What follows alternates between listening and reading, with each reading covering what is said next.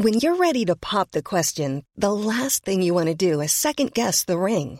At Bluenile.com, you can design a one of a kind ring with the ease and convenience of shopping online. Choose your diamond and setting. When you find the one, you'll get it delivered right to your door. Go to Bluenile.com and use promo code LISTEN to get $50 off your purchase of $500 or more. That's code LISTEN at Bluenile.com for $50 off your purchase.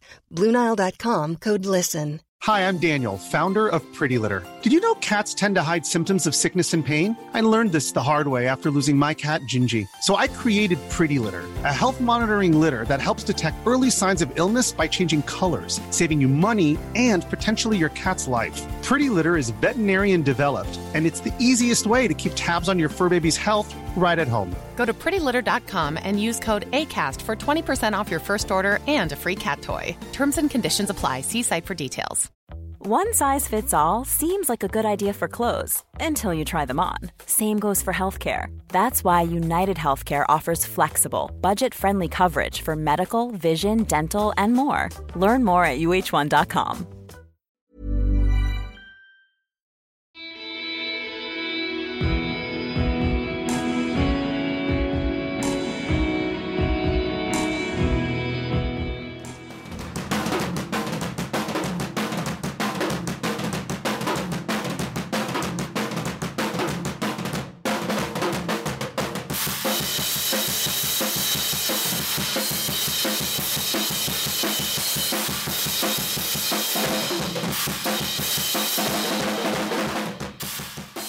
Mine damer og herrer, velkommen til Kaptare podkast. Jeg heter Marius Hauge, og det du nettopp hørte der, var en trommesolo av dagens gjest, Bjørn Tore Kronen Taranger, eller Ultrakongen, som han også kalles.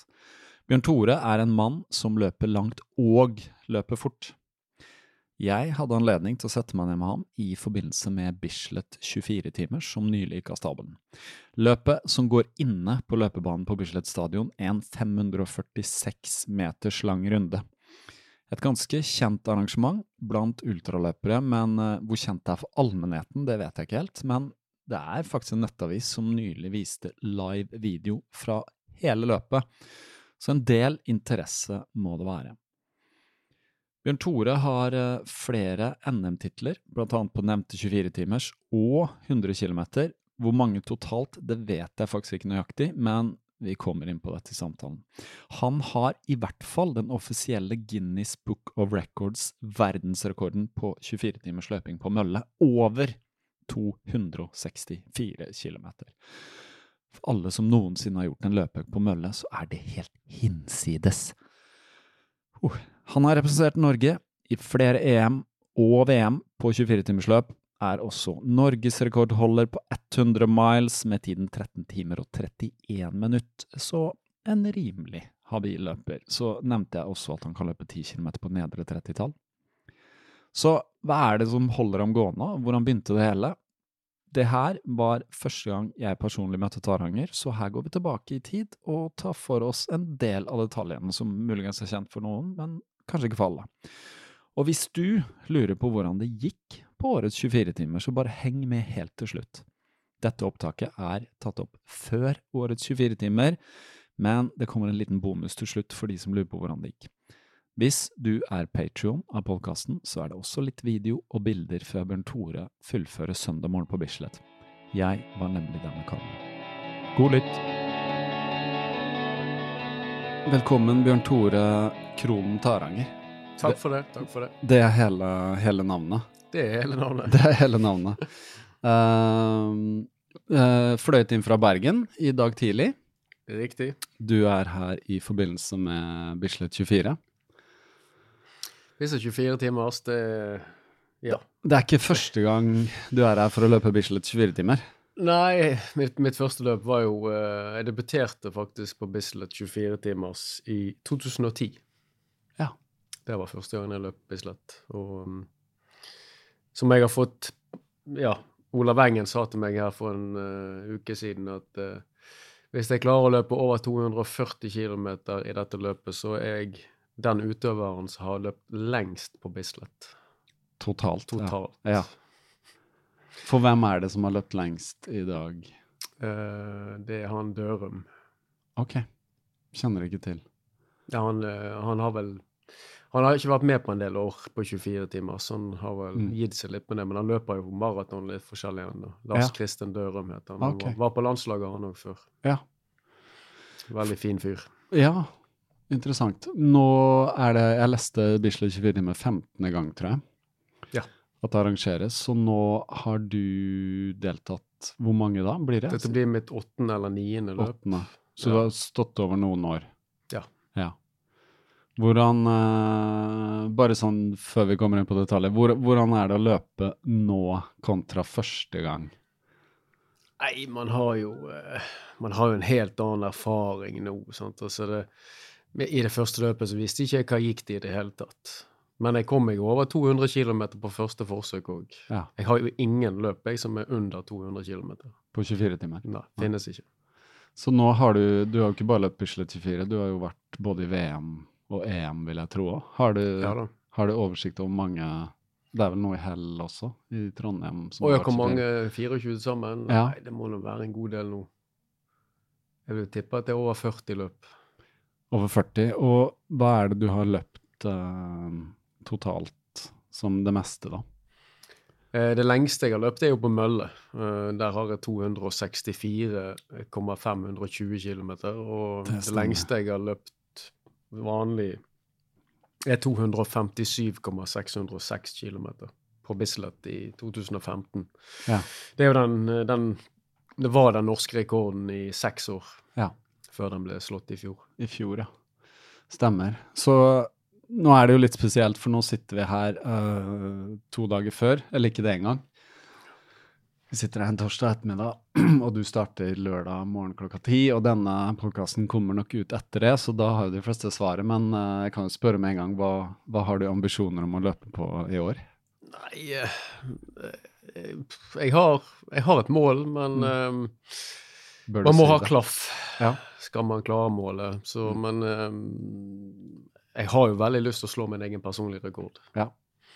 På 2,57. Ja, Mm. det, det er i hvert fall første målet. Så får vi se hvordan døgnet utarter seg. Men Ja. um, man skal aldri se aldri, og man vet egentlig aldri før man har uh, løpt halvveis om, om man har sjanse på, sjans på egentlig ta den norske rekorden tilbake. Mm.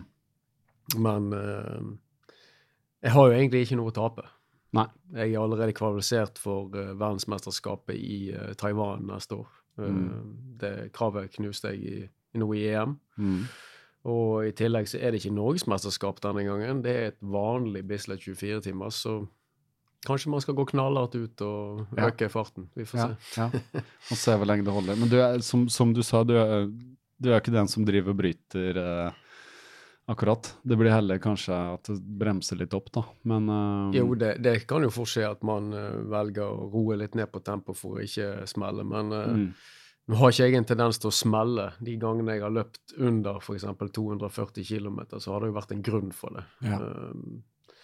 Jeg husker i 2019 så løp vi jo VM i 24 timers bare 24 eller 25 dager før vi skulle løpe NM i 24 timer. Så da Mm. var jo ikke jeg restituert nok egentlig til å levere et optimalt løp på Bislett, men um, vi, klar, vi løp inn til NM-sølv.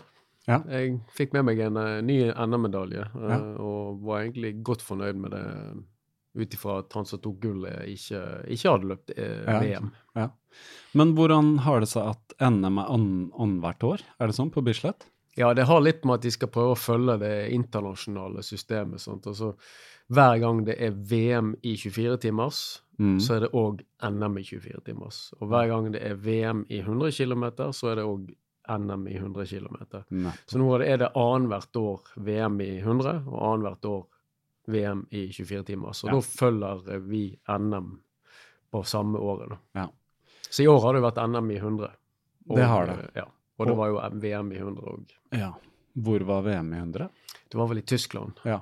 Så det var jo bare tre uker før vi løp Europamesterskapet i 24 timers. Ja.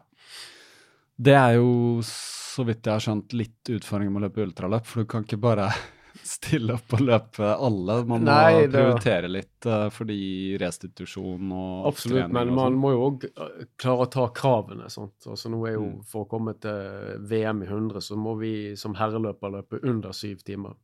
Mm. Og det er et ganske tøft krav. Ja. Uh, og mm, så har jo kravet òg blitt enda hardere på 24 timer. Så nå er det jo 244 km for herrer å komme til et VM. Ja. Som er jo uh, A-kravet, da. Ja.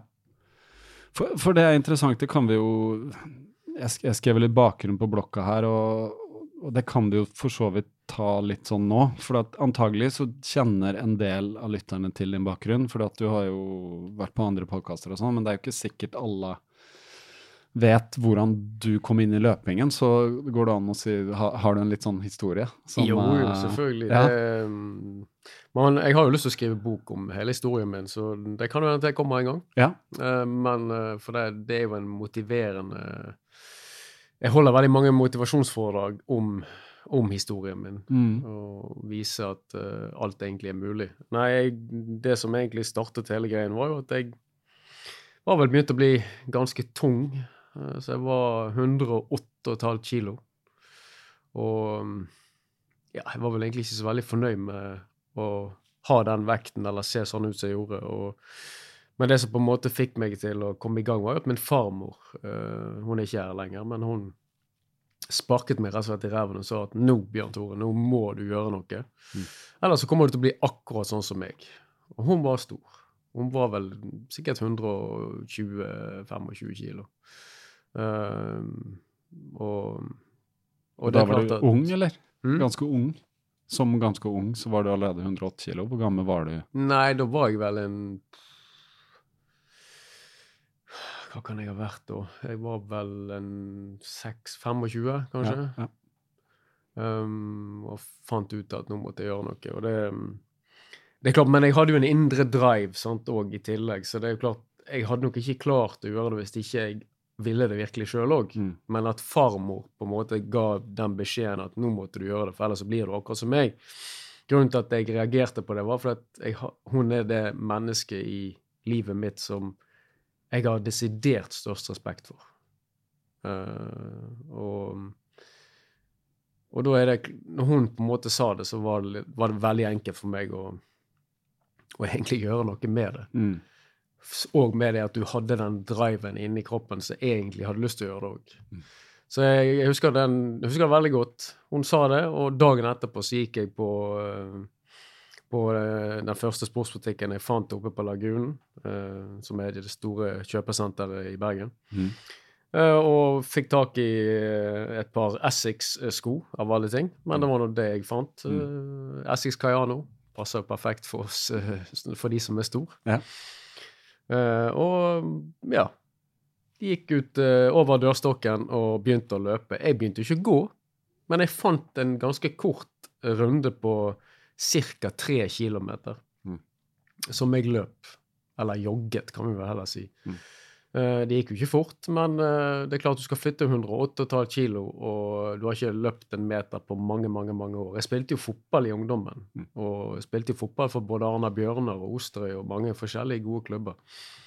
Men eh, så er det klart at det òg kan jo ha hjulpet litt på det at kroppen hadde vært trent en gang. Ja. Men uansett, så kom jeg i gang med det, og endte vel opp med å løpe tre ganger i uken. Så det var sånn ca. annenhver dag i starten. Og det gikk jo ikke lang tid, sant. Altså, de Etter bare ti-tolv dager Mm. så hadde jeg tatt av ti kilo. Oi. Bare ved å begynne å bevege kroppen. Mm. Det vil si etter to, to uker, da. Den store forskjellen. da. Ja, det er, og det er jo klart at Oi, helsike, jeg var plutselig under 100 kilo. Mm. Så du- jeg ble jo så motivert av hele greien. Men de første ti kiloene er jo selvfølgelig lettest å ta av, fordi at det er mye vann i kroppen. Sant? Og det Mm. er jo lettere å få ut. Mm. Så, så, men du blir så motivert. Mm. Og jeg husker det at jeg eh, fortsatte, og plutselig var det Gikk jeg fra tre til fire ganger i uken med trening, så var det fem ganger i uken, og så var det hver dag. Og så til slutt så måtte jeg, hadde jeg jo to økter hver eneste dag. Hvor, hvor lang tid gikk det, da? Fra du begynte med de tre kilometerne til du Nei, løp for, daglig, da? for å si det sånn. Nei, til daglig så tipper jeg det gikk en um, En og en halv måned, kanskje. Det er kjapt, da. Så, ja, men det, det ga meg Ja. så mye. sant? Ja. Det var ikke det at jeg økte lengden, jeg økte heller da, hver dag løp tre kilometer. Og når det, det på en måte ikke var nok, Mm. så løper jeg lenger. Mm. Og så løper jeg lenger, og så ble det to økter, og så videre, og så Mm. videre. Og nå ligger jo jeg i snitt på nei, konstant egentlig to økter for dagen, Mm. fremdeles. Så du kan si det at fra du begynte den gangen for det, det må 20 år siden, eller hvor lenge? Ja, nei, det var jo i um, Altså, det sparket i ræven fikk jeg i desember 2006. Ja. Så ja, nå er vi snart desember, så snakker vi 16 cirka. Så, og det var jo ehm, Ja, jeg tror jo det er det beste jeg har gjort, egentlig. Det å snu livsstils... Ja. Altså, det er jo det som har skjedd, en livsstilsendring. Ja. eh, Og ehm, Men hvor tror det, det drivet du snakker om, da, til å ville endre på noe, hvor, eh, hvor kom det fra, eller hva, hva var det Jeg likte jo ikke hvordan jeg så ut. Nei. Jeg likte ikke Jeg likte ikke meg sjøl. Altså, jeg likte ikke det jeg så.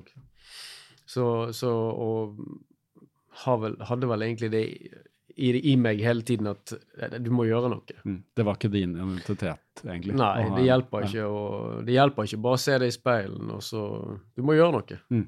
Så Men det handla vel om, uh, som du sier, mye stillesitting. For når du begynner å bevege deg, så forsvinner jo mye Ja, ja, ja. Og, og alt handler om bevegelse. Altså, Mm. Jeg vil si at for folk som har lyst til å gå ned i vekt, så er det viktigere at de beveger seg, enn at de skal plutselig begynne å spise så grådig sunt. Ja, det har jeg tro på. Fordi at det er greit du kan gå og spise sunt, og alt det der, men du kan ikke bare spise sunt uten å bevege deg. Mm. Det hjelper ikke en puck. Nei, De sier jo at stillesitting er den nye røykingen, da. Ja, ja, ja. Men altså, det, er, det er det verste Og så trenger man ikke løpe heller. Nei. Man kan gå. Det er Sant? sant. Og eh, en person som er 120 kilo, skulle jeg ha laget et program for eksempel, til en som var 120 kilo, så hadde jeg absolutt lyst til å gå ned i vekt, som alle bør gjøre når de er 120 kilo. Så, så ville jo jeg ha laget et program på si en plass mellom 20 og 30 minutter bevegelse. Og så skulle de løpe i ett minutt. Mm. Gå i to minutter. Mm. Løpe i ett minutt, gå i to minutter. Til de 20 minuttene eller den halvtimen er ferdig. Mm. For da har de hele tiden noe å glede seg til. Ja, de kan glede seg til de skal få lov å gå igjen. Mm. Oi, nå må jeg løpe i ett minutt. Og så, Det blir en slags intervalltrening nesten. sant? Men du må, man må jo begynne en plass. Mm. Og, Begynne på det nivået man er, kan ja, man si. rett og slett. Og da tror jeg òg du Da er det større sjanse for at du overlever, at ikke du ødelegger den gleden som man må få av det. Mm. De fleste ha, Mange hater jo å løpe. Mm. Det er mange som ikke liker det litt engang. Mm. De vil heller gå og pumpe jern eller Mm. gjøre noe i, på gymmen. sant? Eller spille fotball eller håndball eller whatever. Men, det, men det er mange som har sagt at de hater å løpe, og så begynner de med det, og så er det liksom Så er liker de likevel. Ja. Ja, ja. Så det er ikke Eh. alltid hva liksom man tenker oppi hodet sitt, Nei, er det som kroppen kanskje vil like, da. Nei, for det er jo, der, det er jo den følelsen etterpå òg som er god. sant? Det er det. Eh, men følelsen underveis kan være god òg. For meg så er jo det Mm. Når jeg da løper i, i, eh, av gårde og er ute kanskje i flere timer, så er det denne frihetsfølelsen òg som er fantastisk. sant? At du, du har Hvis du er ute alene, så har du kun deg sjøl og dine tanker, og ingen forstyrrelser på noen slags måte. Det, blir jo en, det er jo terapi i tillegg. sant? Det er det. Det er det. Det er jo en av de få stedene man er helt alene, kanskje. Hvis Ja. man jobber, har barn, Absolutt. et forhold osv. Det er en liten pause i hverdagen, på Ja. en måte. For meg er det det. Å bare komme seg ut den daglige timen eller ja, Mm. tre kvarter, en time eller lenger. da. Så Ja, ja, ja. høre podkast eller bare ingenting. Bare Men det er jo det at jeg, jeg tenker at alle har faktisk tid til en halvtime. Mm. Eller om det er bare 20 minutter. Det tror jeg. Ikke, ingen som kan komme til meg og si at de ikke har tid til 20 minutter. Nei. Nei, Det er kun prioriteringer. Ja, det er prioriteringer, altså. Fordi ja, Nei, det har man. Uh, hvis ikke man har liksom ti barn og er alene med dem, jo, jo. så er det greit. Men eh, nei, det er sant, det.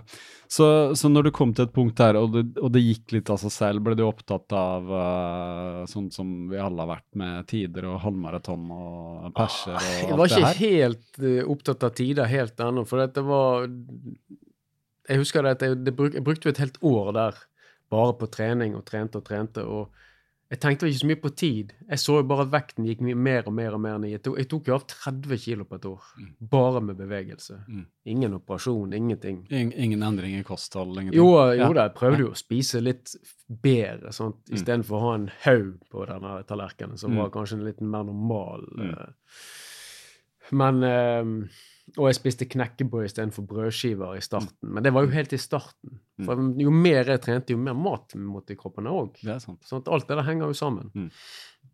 Eh, men, men det der med tid og sånt, det kom vel ikke før at jeg ble lurt med, eller lokket, jeg vet kanskje bedre ord å bruke, med på min første halvmaraton, som var i maratonkarusellen i Fana. Mhm. Og da husker jeg det at uh, søsteren til Kjersti Mona heter hun, kom over fra, fra Oslo, hun bor her eh, ennå, eh, og, mm, og skulle løpe maratonkarusellen. Hun skulle løpe maraton, og så var det den andre søsteren til hun er gift med, hun heter Anita, Mm. skulle løpe halvmaraton, og da ble vi invitert plutselig opp til de på middag og et glass vin og dagen før og noe greier, og jeg tenkte, satt vi nå der og preiket, og da, da hadde ikke jeg hørt noe om dette løpet i hele tatt. Mm. Men så sier de bare så fint etter hvert, for de hadde fått med seg at jeg hadde trent så mye, og de kunne jo se at jeg hadde tatt av eh, mange kilo. Ja, ja. Eh, Så da spurte jeg liksom ja, du må jo være med. Kan ikke du være med og løpe halvmaraton i morgen? da? Kan ikke, Ja, du er med, du. Og jeg bare Hallo? Og da hadde du ikke løpt kanskje i nærheten av den distansen? Nei, jeg hadde vel kanskje det lengste da, kanskje 15 km. Ja. Altså. Men det er jo helt greit, for da er du innenfor det som man bør ha for å kunne løpe en halvmaraton. Mm. Så jeg tenkte ja, vi får nå se, jeg må nå tenke litt på det. Sant? Men problemet er at jeg lå jo da hele, hele natten med fjellkløveren og skal, skal ikke, liksom dro Ja. av. Og, Ja. og jeg husker det at bare to timer før start på det løpet, så ja, jeg blir med. Ja. Reiste ned, meldte meg på. Og som det, det gjør ofte i Bergen, så regnet det jo trollkjerringer, hund og katt og gris og alt du kan tenke deg, falt jo ned fra himmelen. Det, det var så vått. Og jeg hadde jo på meg skikkelig regntøy og luen på snei, startnummeret sikkert opp ned. Um, ja, og jeg hadde sikkert ikke de beste skoene for det heller, men eh, vi satt nå ute fra starten der og løp. Og um, det jeg husker veldig godt, var at når jeg kom på vending, så sier Mona Da kom hun imot meg igjen etter hvert. Mm. Ikke på vending, men seinere. Mm. Og sa ja, hvis du gir litt på nå, så klarer du å komme deg under to timer. Mm. Så, og det, det hadde hun kommet litt før, så hadde jeg klart det. Mm. Eh, Jeg kom jo i mål da på to timer og 17 sekunder. Og jeg husker det irriterte meg så inn i steike. At jeg skulle være 18 sekunder unna å se ett-tallet på en Mm. halvmaraton. Mm. Så da tenkte jeg dette må jeg bare gjøre igjen. Jeg kan, jeg, det, jeg kan jo egentlig takke for det òg, for det, det er ikke sikkert jeg hadde løpt flere halvmaraton Mm. hvis Nei. jeg ikke kom under. Nei. Eller hadde kommet under på første. Så jeg gikk jo da ifra å løpe 2 timer og 17 sekunder til 1.48,12 på neste løp. En kjempeforbedring. Og da, hvor lenge, hvor lang tid gikk det? Nei, det var jo bare en måned etterpå. Ja, ok. Så da begynte du å tenke at nå, nå trener jeg mest Ja, ja, spesifikt? ja. Og måneden etter der igjen så hadde jeg 1,42. Mm. Og så i april samme år Dette var jo, Første løpet mitt var i februar. Mm. Og i april så løp jeg på 1,33 i Åsane. Oi. Og nå har jeg jo pers på 1,13. Så det har jo blitt en god del forbedring. Ja, det kan du si. Det var mange halvmaraton på kort tid. Så, Du ble litt besatt, altså. Ja, ja, ja. Men 1,13 òg. den, Ja, Det det har vært mange imellom der òg, da, selvfølgelig. Ja. Men eh, det var jo fire halvmaraton på to måneder, liksom. Herregud. Ja. Så Ja da. Nei, da, et, etter det Jeg husker etter det løpet ute i Åsane, så meldte vi på alle løp Ja. jeg, jeg fant i Bergen. Ja. Vi har mange løp. ja, det det. løper jeg hver eneste uke et løp. ja. Det var, ble totalt bitt av den løpebasillen. Det var, ja, det var halvmaraton og ti kilometer og sånn? Ja, alt mulig. Alt mulig. Fem og Jeg Ja. husker jeg løp tre mester, Bergensmesterskapet på Skansemyren i 3000 meter. Det hadde jo ingenting der å gjøre. Nei. Men jeg ble jo Bergens, jeg ble bergensmester i min klasse. Ah. Kjempegøy. sånn. Fikk Ja, ja, ja. medalje og greier. På banen, ja. 30 meter på bane. Ja, men det var på, ja, det var på Ja. bane. Ja. Det er en bane, stemmer Ja, men det var før de hadde lagt tartanet, så det var på grus. Å, ja, okay. ok. Mm. Det er ikke så mange år siden de fikk nytt Nei, nettopp, nettopp. Var det sånn fin, fin grus? Sånn, Ja, ja, ja. ja sant? Knallhard, Ja, ja, ja. grus. Så det var jo veldig greit å løpe på. Men det Ja. var jo det de løp på før. Ja, visst var det. Jeg husker det fra ungdommen. Nei, friidrett. Det, var, det var noe annet, det. Ja, da. Så du, ja, du kan si at du ble litt besatt av løpingen, da. Men Ja. da handla det vel litt om tider, eller liksom å se hvor fort kan det gå, og Jo da, sånn- man hadde jo selvfølgelig lyst til å, å få bedre tid og alt dette der, og løpe lenger og så videre, men det Men det var jo hele tiden en kamp mot seg sjøl. Mm. Jeg tenkte ikke at jeg skulle være på pallen og slå og så bli han som vant løpet. Nei, eller skryte til andre om Nei, jeg var ikke, jeg var ikke der frem, ennå, da, på en Nei. måte. Der er man jo mer nå, at man har lyst til å stå øverst på pallen. Ja. Men, eh, men det var et eller annet med at du så at oi, her går det bare så framover at ja, ja. Det, det ble det som ble drivkraften i seg selv. Jo, for det, mitt første løp var jo i februar 2008. Mm. Og jeg husker veldig godt at eh, min første maraton var jo Stavanger maraton i eh, Det var vel i august i, Ja, i august i 2008. Uken før jeg giftet meg. Mhm. Og jeg var jo helt ødelagt. Jeg husker jeg passerte Passerte halvmaraton på 1,26 eller 1,27. Ganske grei passering på en, en halvmaraton. Altfor hardt. Mm. Og møtte jo den største veggen. Jeg, jeg har aldri møtt den veggen igjen etterpå. for å si Det sånn. Det, det smalt så grådig, og det ble så varmt der nede Mm. at de satte ut ekstra eh, drikkestasjoner. Ja, for dette var på høsten, sensommeren. Jeg sier august, ja. Ja, nettopp. Og Oi, oi. jeg husker det at jeg Det var så smell at du aner ikke. Jeg tror jeg kom i mål over fire timer. Oi. At det er å møte veggen. Du lå an til på, på den splittiden skal du sub tre timer, Ja, liksom. Men, det, eh, det har aldri smelt så godt som gjorde Men for alle som har løpt maraton etter et halvmaraton, så skjønner man at det er ikke bare å doble distansen, det er et helt annet løp. ja, ja. Det er jo en helt annen er det er prioritering. en annen idrett. Ja, det er en annen idrett. Det er, det er et eller annet som skjer med en gang du passerer liksom Ja, ja, de ja.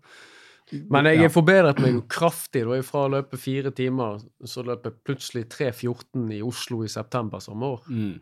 Da skjønte Så- du at det handla om mer å Ja, ja, disponere. ja. Ja, ikke Løp mye smartere. Sånt. Så, og så har det jo bare gått bedre og bedre. Nå har jeg vel en pers på 2.38. Det er bra. Uh, og den tror jeg jeg kan knuse hvis jeg går inn for det. Men Ja. eh, da må jeg lade opp til det. Det må du. Da må du prioritere det. Mm. Ja, det er jo det tilbake til ultraløping. da, at liksom, Når du først er kommet i den eh, klassen på det nivået du er, så er jo det du, det er jo det du trener for. Ja, ja, ja. Men jeg forsto jo det egentlig, for det samme året, i 2008, Mm.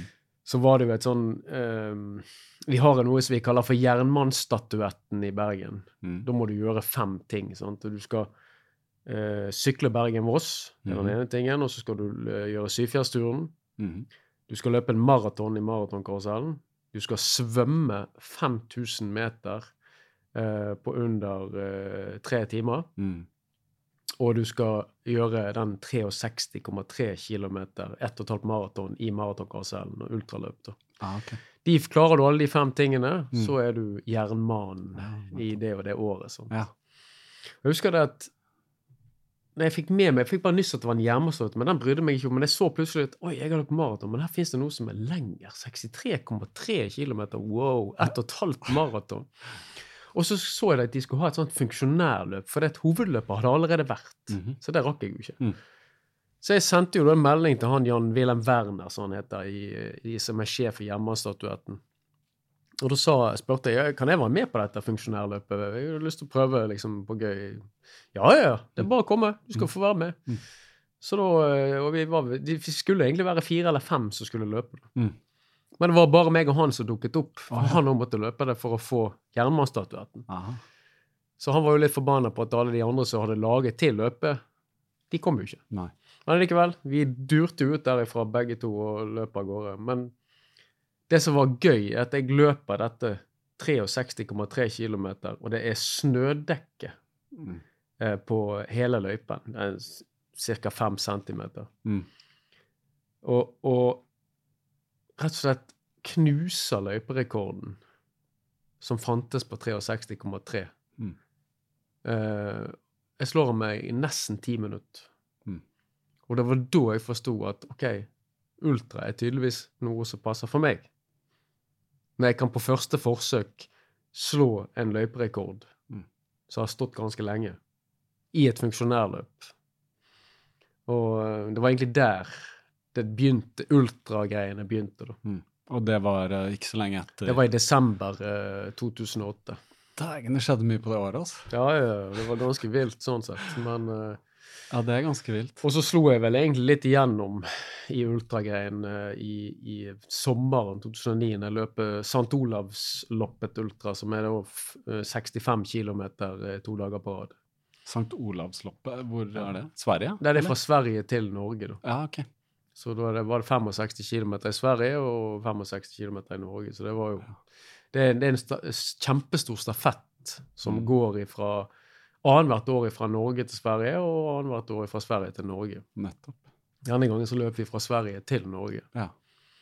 Og da eh, løp jeg inn til andreplass i det løpet der. Eh, Men er 65,5 på hver side av grensa, er det det du sier? Det er Nei, det var Nei. vel Jeg tror vi hadde litt Totalen mer er 65. Ja, 65. Vi hadde Ja. litt mer å løpe i Sverige enn vi hadde i, Ja, sånn, i, i Ja. Norge. Jeg bare trodde det var 65 i hvert land. Eller at det var lagt Ja, ja, opp ja. sånn. Nei, det var 65 langt totalt. Ja. ja. Og det, det var bare året etter. Så var du Ja. liksom i gang med å tenke ultra og la, ja, og da la fikk det jeg jo bak deg. I løpet av altså I starten av 2009 så fikk jeg jo òg han eh, Jan Fjærestad som trener. Mhm. Så um, Hvordan gikk det seg til? At du Nei, han var jo på en måte trener for klubben, Ja, som jeg løp for. ja for du meldte deg inn i en klubb? Mm. Ja. Da heter det vel BFG Fane eller noe sånt. Ja. Og nå heter det Ber er det Bergen Ja, løpeklubb? Ja, BFG Bergen løpeklubb. ja, som det heter nå. Så nå er det kun løping i den klubben. Det er ikke det, er ikke det alt, alt det andre som ser, skjer på en friidrettsbane, det, det har ikke vi noe med. Vi er Nei, løpere. Ja, det er ikke en friidrettsklubb, men en løpeklubb. Så, så siden har du hatt en trener, eller? Som Ja, Jan Fjærestad har vært min uh, trener hele veien. Ja. Så Hva kunne, hva kunne han om ultraløping, eller var han han, han kunne vel eh, for så vidt eh, veldig lite om ultraløping, men Ja. Han er jo kanskje den mannen i Norge som har løpt desidert mest uh, av absolutt alle løpere. Ja. Han hadde jo i sin eh, ungdom på sin, Når han var på sitt beste rundt uh, mellom 21 og 26 år, så uh, Det ene året der så hadde han jo 305 km med løping i snitt hver uke på et helt år. Det er jo helt ellevilt. Så mannen har jo løpt, sånn. Han har løpt mye, så han skjønte hva mengde handler om. Ja, absolutt. Så, Så, hva var på en måte Hvordan var starten da? Hva fikk du beskjed om å Nei, gjøre jeg- eller trene? Nei, jeg fikk vel i starten så var det tre mil for dagen som var liksom Tre mil for dagen, ja. Ja. Så her er det snakk om mengde fra liksom første Mm. stund. Ja. Men det skulle gå rolig, da. Ja, ja, jeg hadde jo selvfølgelig to eller tre intervalløkter i uken for å få litt variasjon, men Mm. Nesten alle de andre løpeøktene gikk veldig Mm. rolig. Hadde du på det punktet noe forhold til soner, og visste du Hadde du trent, liksom? Hadde du satt deg inn i Ja, soner og ja, jeg har Ja. god kontroll på det. Og Ja. jeg kjenner jo kroppen veldig godt og vet jo hva kroppen kjenner med en gang, om det er rolig eller det skal være god fart. Sånn, Mm. Så. Men det hadde du allerede liksom en innsikt i når du hadde løpt disse halvmaratonene og maratonene? Ja, ja, ja, helt klart.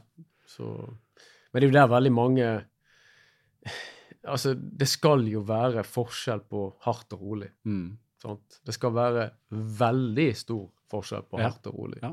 Der er det jo veldig mange som ikke har. Det er veldig mange som ligger midt inni Ja. og trener halvhardt hele tiden. ja.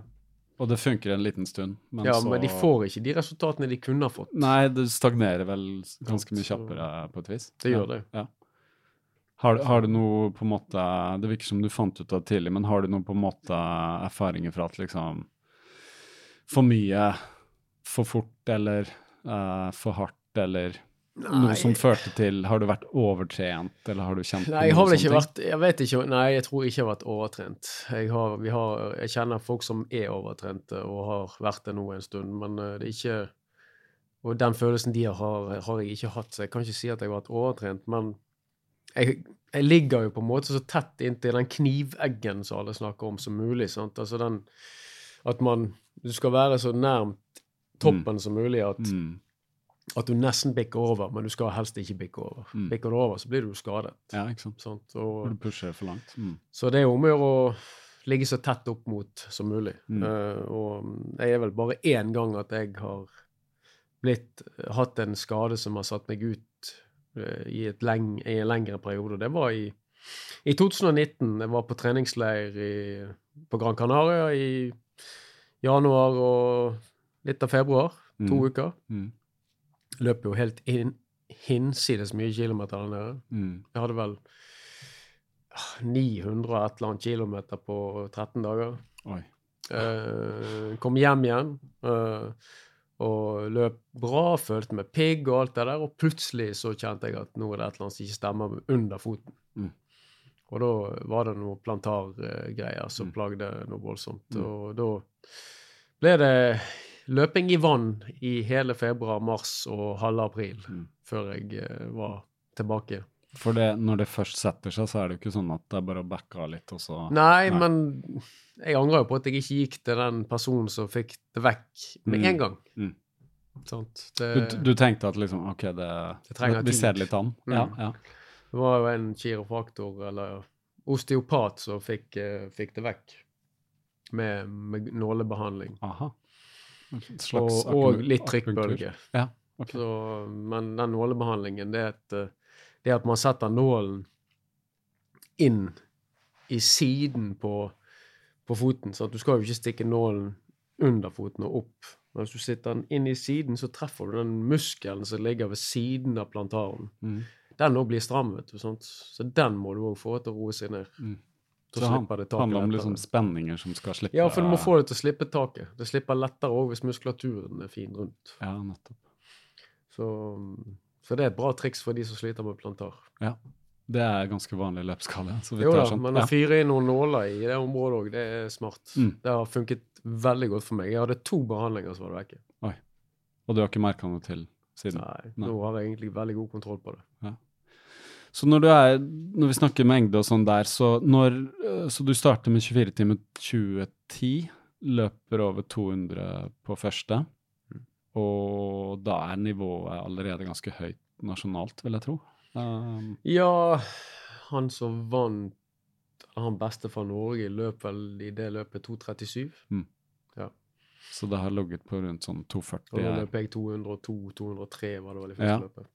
Og det var første på Bislett. Ja. Men var det først 24 i hele tatt, eller? Ja. Jeg debuterte med 202 eller 203. Hvordan opplevde du det første løp Nei, eh, måtte jo gå baklengs opp trappene og etterpå? støttes derifra. ja. Men uh, det var jo flere som trodde han ikke, at jeg kom til å stå av. Det var flere som trodde til og med Olav Engen og hele Ultra, de som satt i, i ko komiteen til Mm. eh, løpet, var jo sikker på at jeg kom til å gi meg sin uh, ny, fersk og første løp. Men Mm. uh, de, de, de så fort at han er en fighter. Ja. Han gir seg ikke, han. Nei, ikke sant. Og det gjorde jeg jo ikke heller. Og løp over 200, og det var fantastisk å klare de 200 på første forsøk. Mm. Men allerede året etterpå, i, eller i mitt neste ultraløp, så løp jeg jo 224. Så jeg Mm. perset jo ganske kraftig. Mm. Og da begynner du vel å skjønne, jeg vet ikke hva du gjorde på den tiden, men da begynner du vel å skjønne at liksom, dette er noe jeg kan holde på med Absolutt. totalt. Uh, Ja, nei, etter den Hvile i livet 224 uh, Altså, jeg begynte jo òg å få en del uh, samarbeidspartnere som gjorde til at jeg etter hvert kunne gjøre løpingen på fulltid. Ja, sponsorer, rett og slett. Ja. Og det hadde jo jeg da um, i seks hele år, eh, eller fem og et halvt blir det vel hele år, så hadde jeg, var jeg fulltidsløper Mm. og hadde ingen jobb uh, ved siden av. Nei. Og det er egentlig sjeldent i Norge, da. Ja, visst er det det. Seks år er det det riktige Ja. tallet. Uh, for det at når koronaen kom, Mm. så uh, mistet jeg altså, eller, Jeg hadde signert veldig mange kontrakter og med nye sponsorer, samarbeidspartnere. Mm. Og, og da var det tre av de som begynte å slite med at de måtte si opp sine ansatte. Mm. Og da tenkte jeg at eh, nei, da skal, jeg, skal ikke jeg kreve de pengene som vi har signert for heller. Da skal jeg være kul. Mm. Så kanskje jeg heller får dere med seinere, sa jeg. Mm. Og nå har jo jeg fått to av de med igjen. Ja. Etter uh, Ja. de har vært i den dvalen som de har vært. Sånt. Så det, man trenger ikke være totalt rævhold. Sånt. Nei. Det er jo Jeg tror man må være Ellers så går det bare ut av deg sjøl til slutt. Ja, jeg forstår. Istedenfor å tenke kortsiktig sånn. Ja, nei, det Så da, men da måtte jeg få meg en jobb. Sånn. Ja, ja. Så da fikk jeg meg en 40 %-stilling uh, nede på Drevelin. Mm. Drevelin ortopedi, der har vi en sånn eh, sportsbutikk da, så, Ja. som vi selger ja, nesten alle sko. Ja, eh, Ikke sant? Og sånn spesial Ja, ja, men det er, jo, det er jo løpesko vi har, da. Det er det er løpesko. Ja, Ja. jeg er på den butikkdelen. Ja, så det er sportsbutikk, det vi har. Så jeg har jo har det meste av de gode. Ja, ikke sant. Men uh, i alle disse årene hvor du bare trente til uh, ja, ultraløping, hvordan, hvordan er det egentlig å bare ha det som en fulltidsgeskjeft? det må jo bli ganske altoppslukende. Jo da, men fordelen er jo hele tiden at Jeg har jo barn, eh, Mm. og fordelen er jo at at man da har tid. Eh, altså, du, du gjør deg egentlig så godt som mulig ferdig med all trening til de er kommet hjem. Mm. Det er dag, dagtid. Sånn At man har i hvert fall gjort unna den lengste økten Mm. før de kommer hjem. Sånn Mm. at du, hvis du skal ha noe mer trening, så er det bare småtteri. Ja. Da kan du egentlig gjøre det etter de er lagt, eller eh, når det passer Mm. for resten av familien. Det er klart det ikke Intervalløktene måtte, gikk jeg jo på, da, selv om de var på kveldstid og kanskje midt i legging. Men uh, man, uh, når man har en, uh, en kone som stiller opp, så, Mm. så er jo det òg gull verdt. Hva har hun sagt til Traff du henne forresten Ja, du var sammen med henne før. Hun har sett meg stor og feit. Ja, ikke sant. sånn. Siden du sa det med sø søsteren hennes løp og sånn, så var det Mm. liksom Hun har sett utviklingen og støtta den hele veien. Har hun, ja. Ja. Så av og til så syns hun at jeg er blitt for tynn, men eh, det, ja, det går litt opp og ned. Ja, det, jeg har fått høre det samme. Jeg har hatt noen sånne veldig løpeperioder. så er det sånn. Jo da, men, eh, men det er sånn det er. Altså, jo, jo, måte, man trenger ikke være supertynn, men jo bedre fit man er, jo fortere løper man. Ja, det er sant. slett. Men ofte det å miste vekk kommer jo som et resultat at liksom det, blir, det blir litt for mye ut og Mm. litt mindre inn, ikke sant? Siden Ja, ja, det er rett balanse skal gå opp der. Ja da, det er jo løper du, trener du mye og beveger deg mye, så er det viktig å, å, å ta til seg nok næring òg. Ja, ikke sant.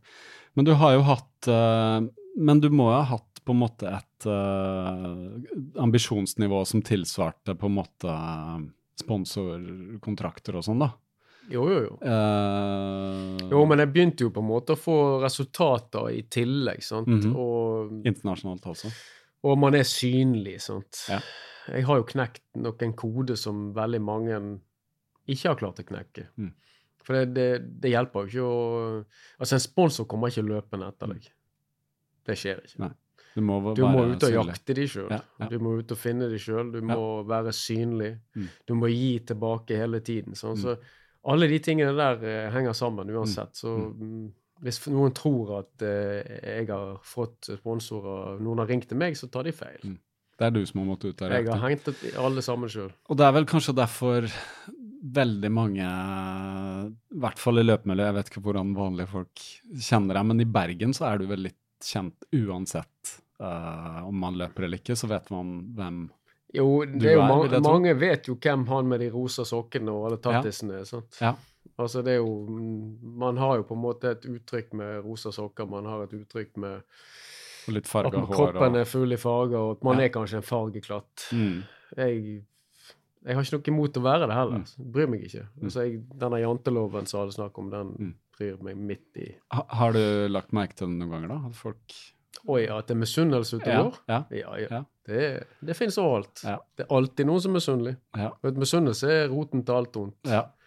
Men jeg tenker de må bare være misunnelige, da. Hvis, Ja. de tror at, uh, hvis de tror at jeg har fått noe gratis, så, eh, så må de tro en gang til. Mm. For det, det er beinhard jobbing hver eneste dag, hver eneste time. ja Og det mener jeg 100 det, Du får aldri noe gratis. Det har, vært, det har vært Du må legge ned arbeidet, selvfølgelig. Ja, ja, ja. For det er resultater som teller, da. Absolutt. Det er det. Så, men, Men det, det sier seg sjøl. Altså, hvis det kommer en samarbeidspartner og, og så gir, sier han gir deg 100 000, og bare ta et tall, mm, så kan jo ikke du eh, ikke gi noe tilbake. Mm. Det blir jo som at Mm. jeg har fått meg en arbeidsgiver som gir meg 100 000 i året. mm. Da må jeg jobbe for den personen. Ja. Det er sånn jeg tenker med mine, Mm. mine sponsorer Mm. og samarbeidspartnere. Og da må man ut og være litt på offensiven, og det har det jo vært. Og det er kanskje Mm. det som har skapt hele på en måte løpekarrieren din. Da. Klart, At klart det. det. Du, du har gitt det selv. Ja, ja, Ja. må, det er jo som å være en selger, egentlig. Ja, ja, Jeg tror jeg kunne vært en god selger hvor som helst. det tror jeg også. Det handler jo om å selge, enten man selger seg selv, eller Ja, noe man skaper, eller uh, løpingen. Jeg, Man trenger ikke være Altså, ja.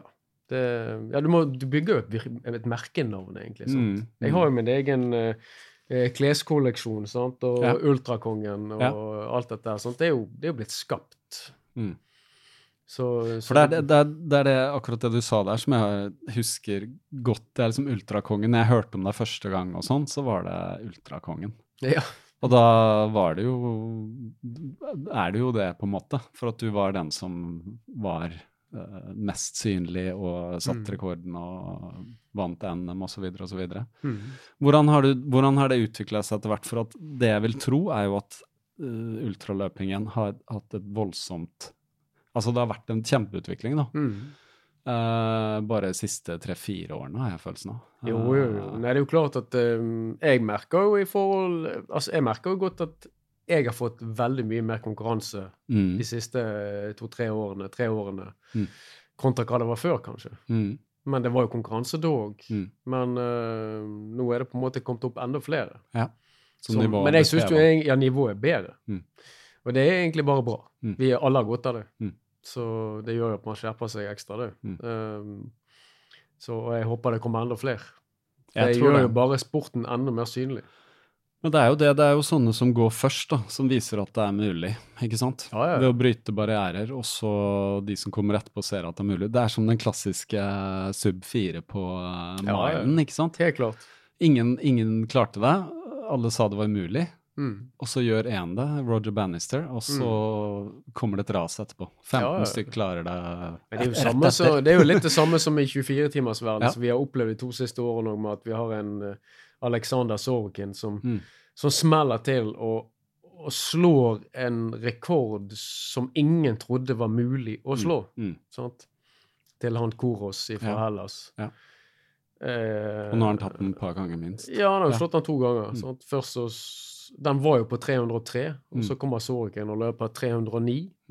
Og løper 319 nå i EM. så Mm. Altså, det er jo helt hinsides langt. Ja, Det må jeg bare ha en kommentar på. Hvordan er det i hele tatt mulig? Hva Nei, er den mannen lagd av? Altså, Jeg vet ikke, men han trener jo helt vilt. Sant? Altså, Ja. han, sånn, sånn, han, var i, han var jo 40 dager i Kenya her Mm. før vi løp EM, i strekk Mm. og i høyden. Og så Mm. løper han fire mil cirka for dagen Mm. hver eneste dag i 40 dager. Mm. Og det finnes ikke én økt som går saktere enn fire blank. Oi. Jeg skjønner ikke at det er mulig. Det, det er så sinnssykt imponerende. Jeg, jeg vet at jeg hadde ikke klart det. Nei.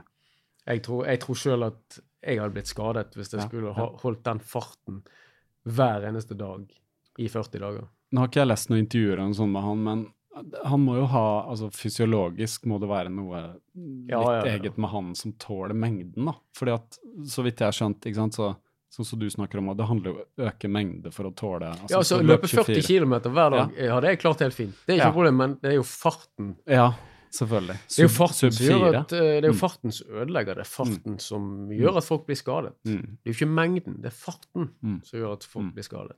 Så det er på en måte handler om å finne, finne den derre Hvor langt kan jeg løpe på hvilken fart? Ja, og så justere. Der har jo han vært ekstremt flink til Ja. å, å, å komme. Sant? Så vi har nok mye å lære av han. Ja. Eh, skal vi på en måte alle komme opp på det nivået der. Ja, ikke sant.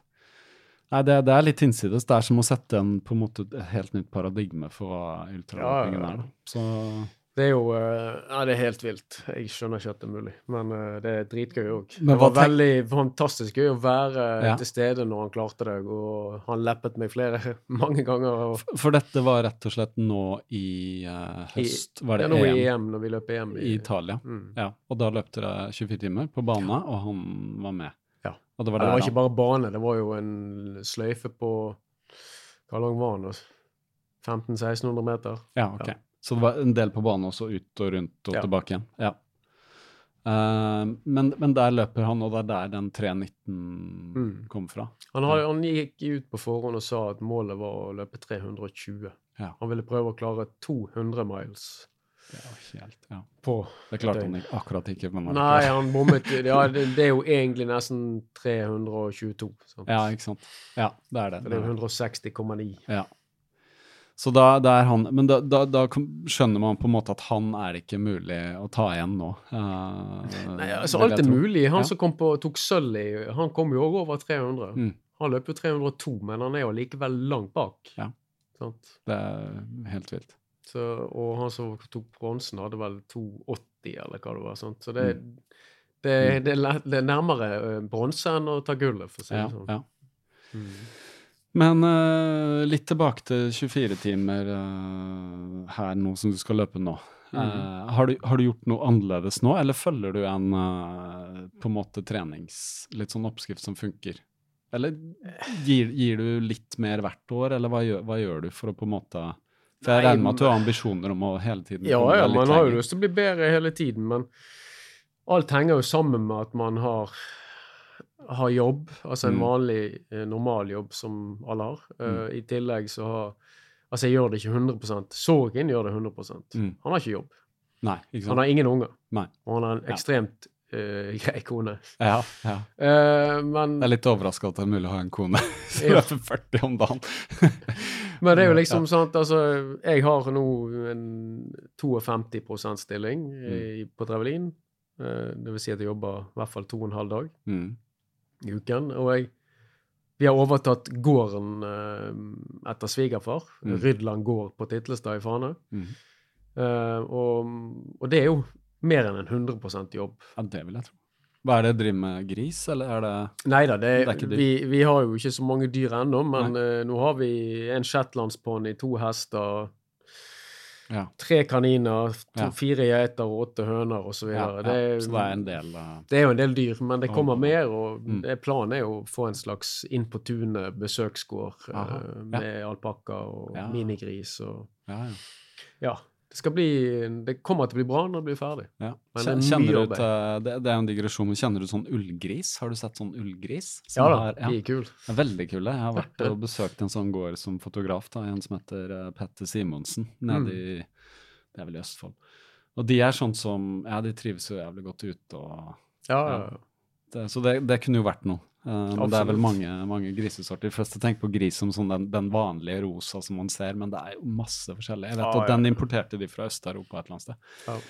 Nei da, vi får se hva det blir etter Ja. hvert. Men det er snakk om å bygge det opp igjen. Sånn er jo, Mm. Loven har jo stått litt sånn til forfall, og Ja. vi er godt i gang med å Ja. bygge det opp og har pusset opp hovedhuset som vi bor i. og ja, det Men det er gøy. Ja.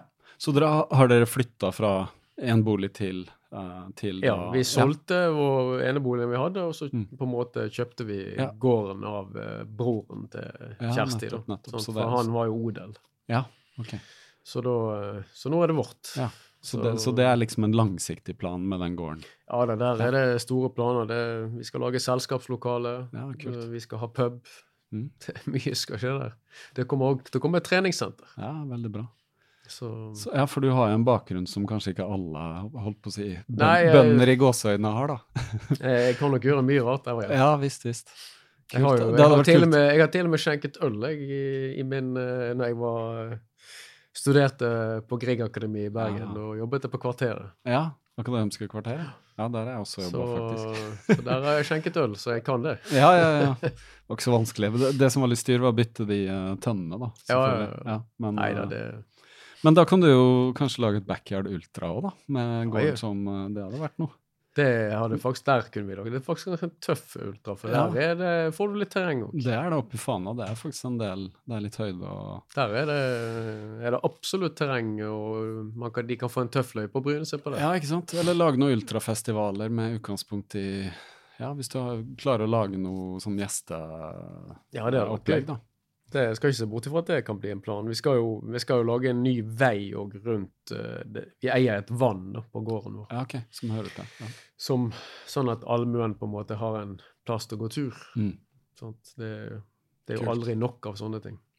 Men da skjønner jeg. Så nå, så nå har du på en måte Du har en sånn butikkjobb, og så har du det, og så har du all treningen. Uh, så det er jo Ja, det er mer enn nok, det, i tillegg til barn og Ja, da, nå, nå er det jo på en måte en balanse òg. Altså, Mm.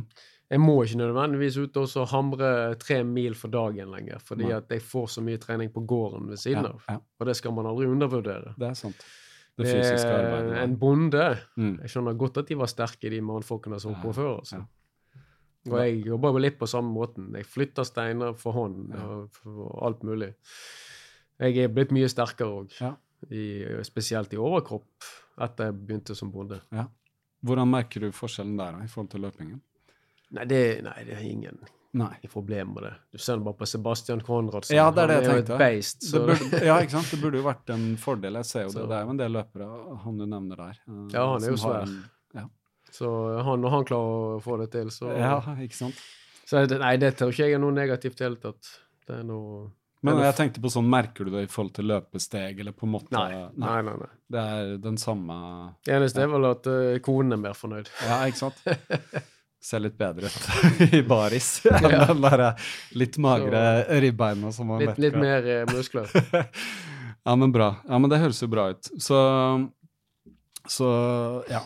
Men du, har, du føler at du har fått, som sagt, nå blir jo dette selvfølgelig spilt av for de som hører etter at du har løpt 24, så vet jeg ikke hvordan eh, det har gått, men det høres jo ut som oppladningen har for så vidt vært bra, da, selv om du må finne ut av det med mengden og, og så så da. videre. Nei, jeg skal ikke klage på noe eh, denne gangen her. Så vi får banke i bordet på at Ja. ikke koronaen kommer snikende rett Ja, før ja, denne gangen òg. For for det nevnte du, det vet jeg, vi snakka om det så vidt på vei inn her, at i fjor, når du løp, Mm. så hadde du jo, var du smitta, og det fikk du påvist etterpå? Eller du, Nei, du visste ikke, du visste jo før du gikk inn? Jeg fikk påvist, uh, jeg fikk påvist korona mandagen før Bislett. Ja, ok. Uh, for det ja uh, Minstemann hjemme, altså minstejenten vi var, Hun ble så dårlig plutselig lø lørdags formiddagen, og da gikk de og sjekket henne. Mhm. Og søndagen fikk hun påvist at hun hadde fått det, og da tenkte jeg nei, Oh, nei, nei. da har jeg garantert jeg har fått det. Ja, For jeg følte meg forkjøla. Ja. Jeg kjente at jeg begynte å bli Mm. godt forkjøla. Mm. Gikk og testet meg, og der var jeg, fikk jeg det påvist mandagen. Og mandagen og tirsdagen var en, da var jeg ganske slapp. Mm. Eh, Men jeg hadde aldri feber. Aldri noe form for feber. Men jeg var slapp, dårlig. Og så begynte jeg å bli bedre igjen onsdagen. Eh, og da tenkte jeg det kan jo gå. Mm. Kan det gå, eller kan det gå, eller kan det gå, eller kan Mm. det gå? Mm, mm. Og så begynte jeg å undersøke. Jeg ringte til eh, fastlege, jeg ringte til um, alle disse telefonene som vi skulle snakke med når vi hadde korona. Nå husker jeg ikke hva det heter lenger. Men jeg snakket i hvert fall med tre forskjellige. Noen som var direkte tilknyttet koronasentralen og alt dette. Mm. Og alle sa at du kan løpe, fordi at du rekker akkurat å komme deg ut av den eh, Det går nok dager. liksom. Ja. Dager. Ja. Det går nok dager, fordi at du har nok hatt det tidligere enn du fikk det påvist, Mm. sant? og så videre og så videre. Men de sa det, for all del, hvis du kjenner noe som helst når du begynte å løpe, Mm. som ikke er som det skal være, så må du gi deg. Mm. Da må du stå av. Så jeg fikk klarsignaler fra alle. Mm. Og da tenkte jeg, jeg reiser bort. Men oppladningen er jo helt elendig. Sant? Altså, du går Du tenker bare negativt, kanskje. Du tenker det at eh, Kommer jeg til å stille til start? Mm. Kommer jeg til å stå på den startstreken? Kommer jeg til å klare å fullføre? Mm. Så det begynner med at du ligger Jeg lå jo bare rett ut og slappet av så mye jeg kunne i, Mm. i hele fredagen i, på hotellrommet. Mm. Men tankene går jo Men tankene går jo som bare Ja. F-en. sant? Ja. Og du eh, tenker dagen før Blir det noe løp på meg i hele tatt? Mm. Nei, men det er ikke sikkert. Mm. Og så spiser du frokost, tenker du kommer jeg, kommer jeg, kom jeg til å løpe i hele tatt? Mm. Og du samme tanke når du står på startstreken. Kommer jeg til å klare å fullføre? Så du har på en måte en dårlig inngang, da. Mm. Men av en eller annen grunn så løper jo jeg kanskje en av de beste løpene mine, med å løpe 252 km med korona i kroppen. For koronaen var ikke vekk fra kroppen, Nei, men jeg var, ikke, jeg var ikke smittsom. Nei, Men nei. Nei, selv om viruset er borte, så er jo kroppen fortsatt i Ja, ja, eh, så- modus. Men at jeg klarte det kunststykket å komme over 250, 250 km og faktisk ta et NM-sølv Mm. um, Det Ja, det, Ja, det, det er jeg er egentlig stolt over det Ja, ennå. ja. Og det var jo det som var så morsomt, for Jan Post han ringte jo til meg dagen etterpå. Mens jeg sitter på eh, en eller annen kaffesjapp og drikker kaffe, så spør han hva, hva er du egentlig laget av? sier han. Mm. Eh, 252 km, og så har du korona i kroppen.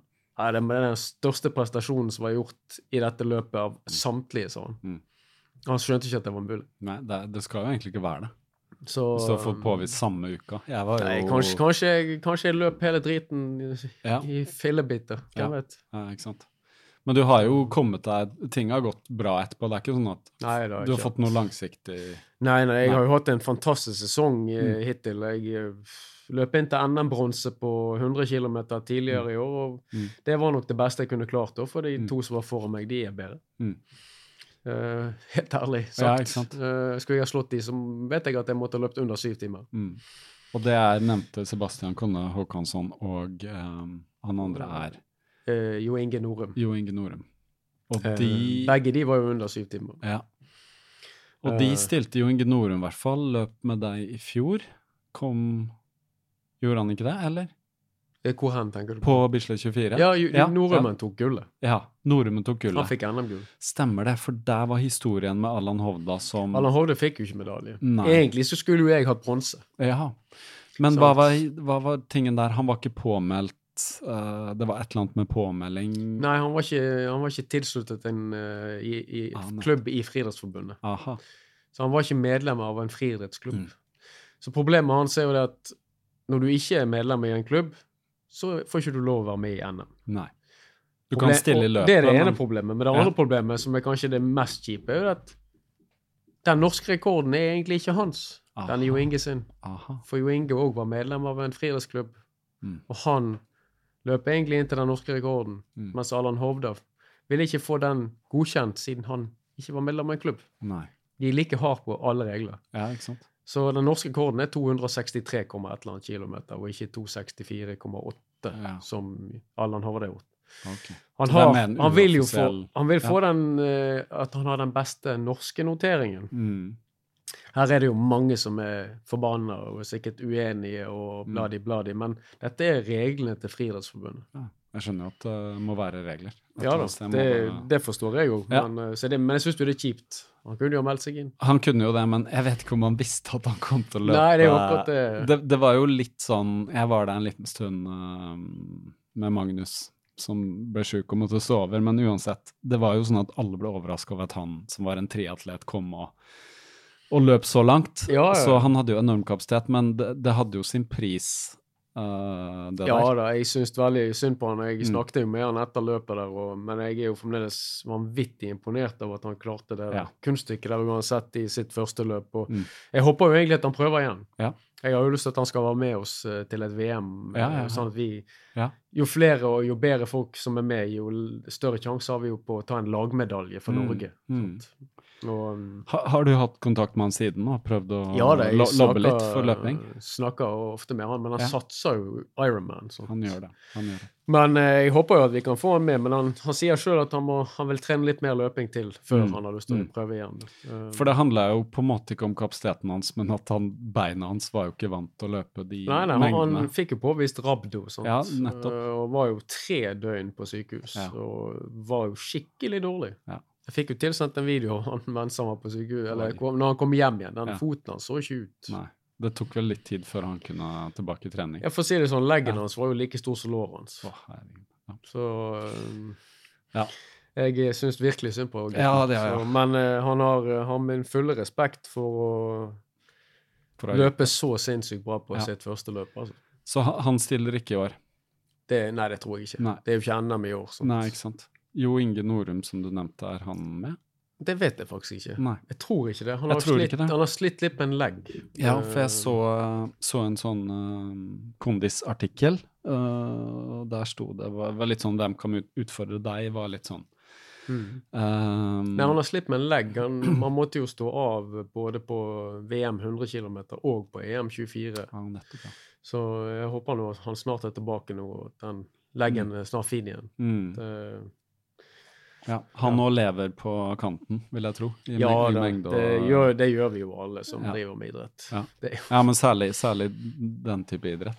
ja da, absolutt. Eller selvfølgelig alt som er på høyt nivå, om det er uh, Ingebrigtsen og 1500 meter, eller, eller hva det er, er jo Det er jo alltid noe småplukk. Du ser til og med Karsten Warholm fikk seg jo en smell? Han gjorde det. Han gjorde det. Så ja. Nei, men det, det handler jo om det. Så jeg så at uh, Kondi skrev at det var en svenske som skulle stille, som Ja. løp uh, i EM.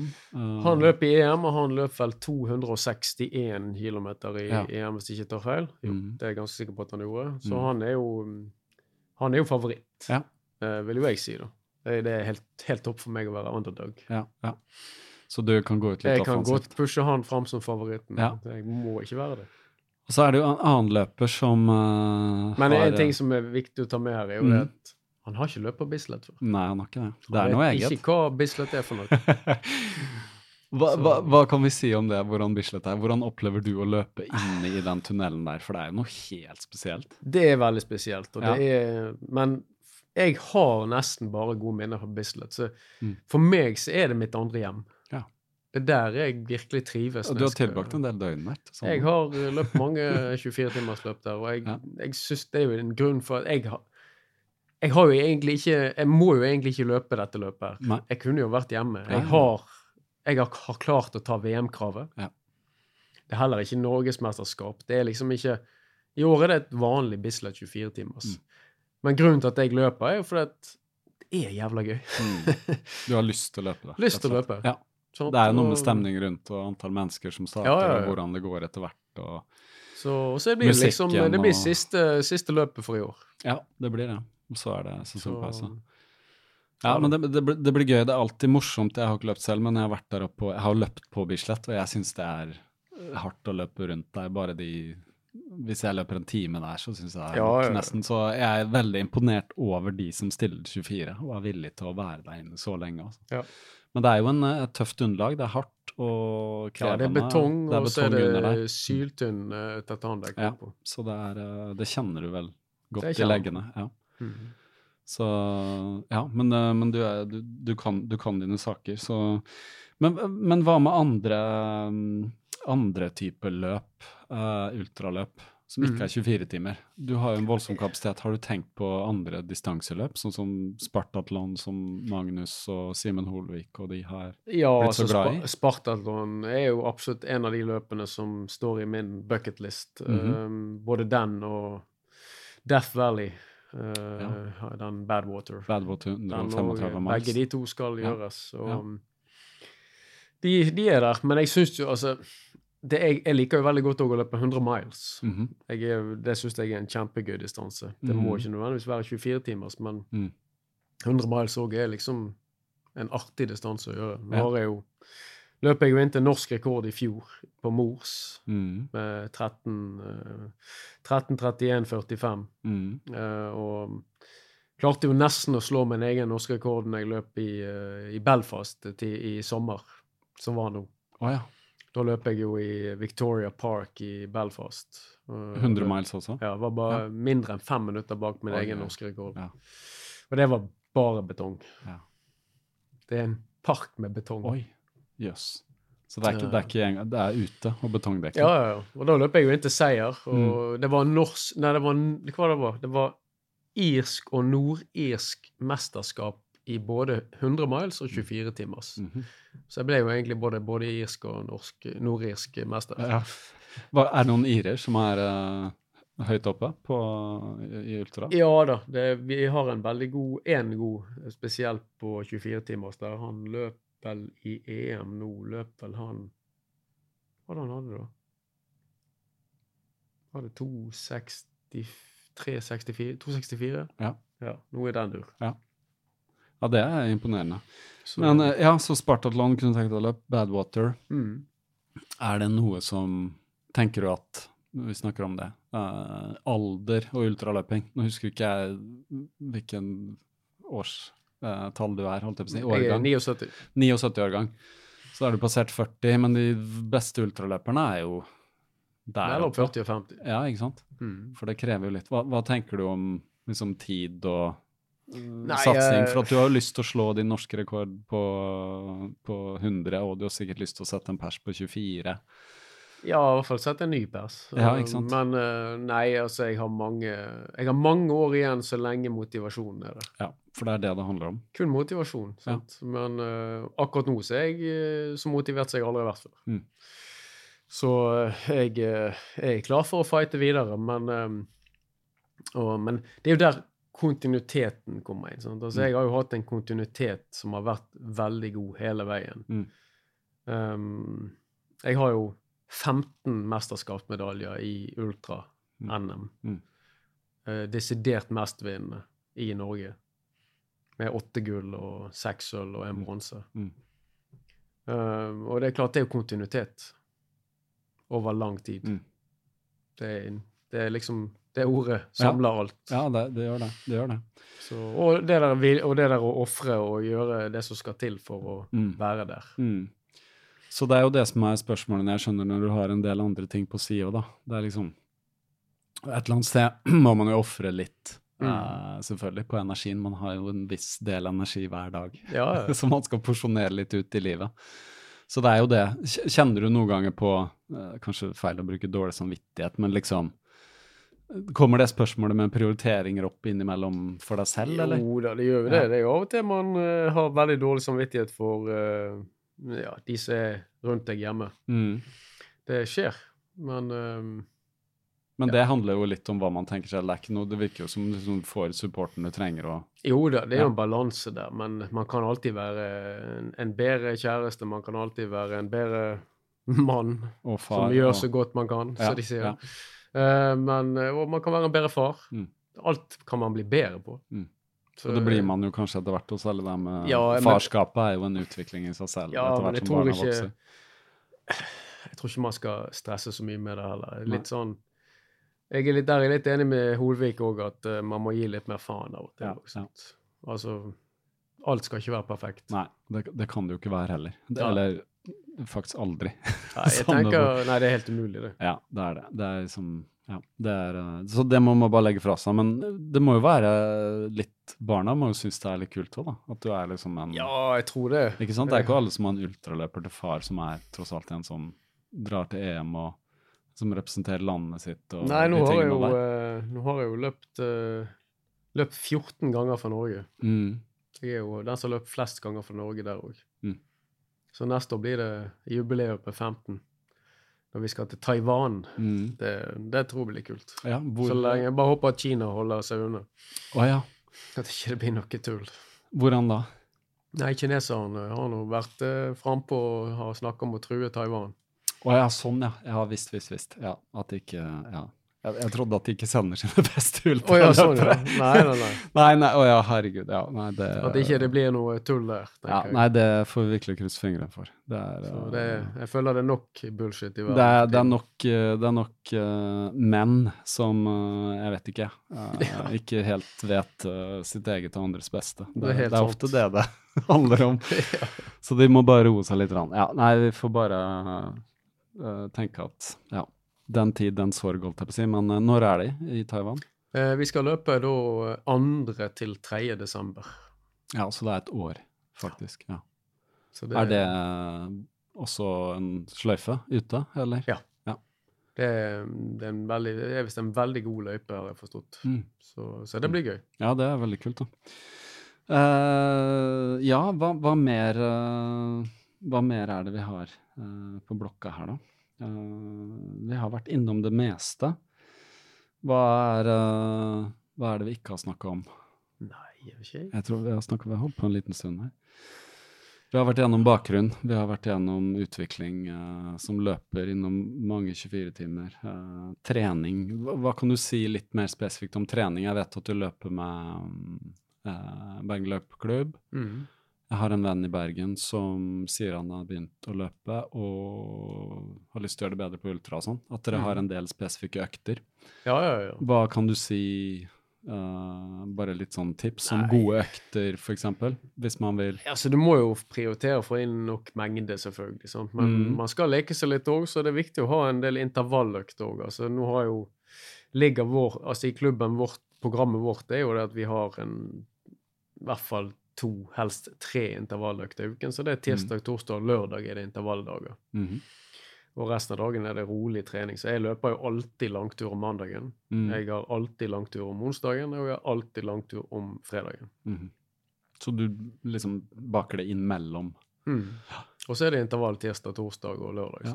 hva, hva type intervaller er løper da? Nei, tirsdagen har vi ofte ti ganger 1000 og Mm. 4 ganger 500 meter pluss 5 ganger 200 meter. Det er jo en lang økt, Mm. for du gjør så mange, mange forskjellige ting. Ja.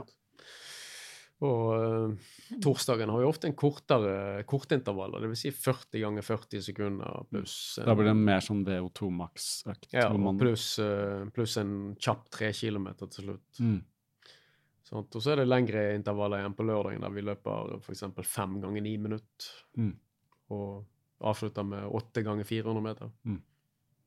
Så dere har, eh, ja, dere har funnet litt sånn oppskrift som Mm. funker? Ja. Det er mye forskjellig der som skjer, så, så det er bare å melde seg inn, så skal de få vite mye rart. Ja, visst, visst.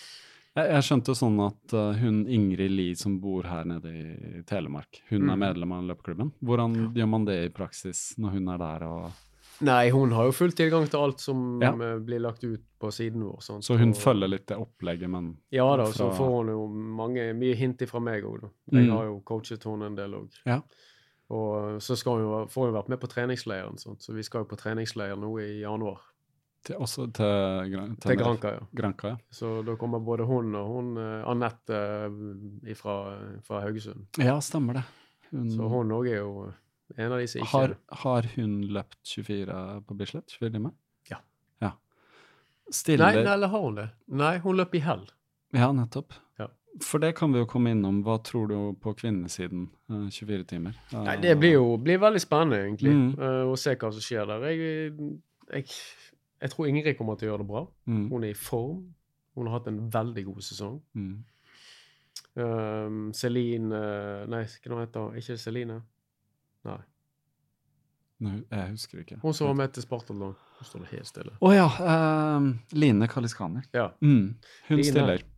Hun tror jeg kommer til å gjøre det bra. Ja. Hun har hatt en voldsom Eh, utvikling. Jeg tror òg Therese kommer til å gjøre det bra. Ja.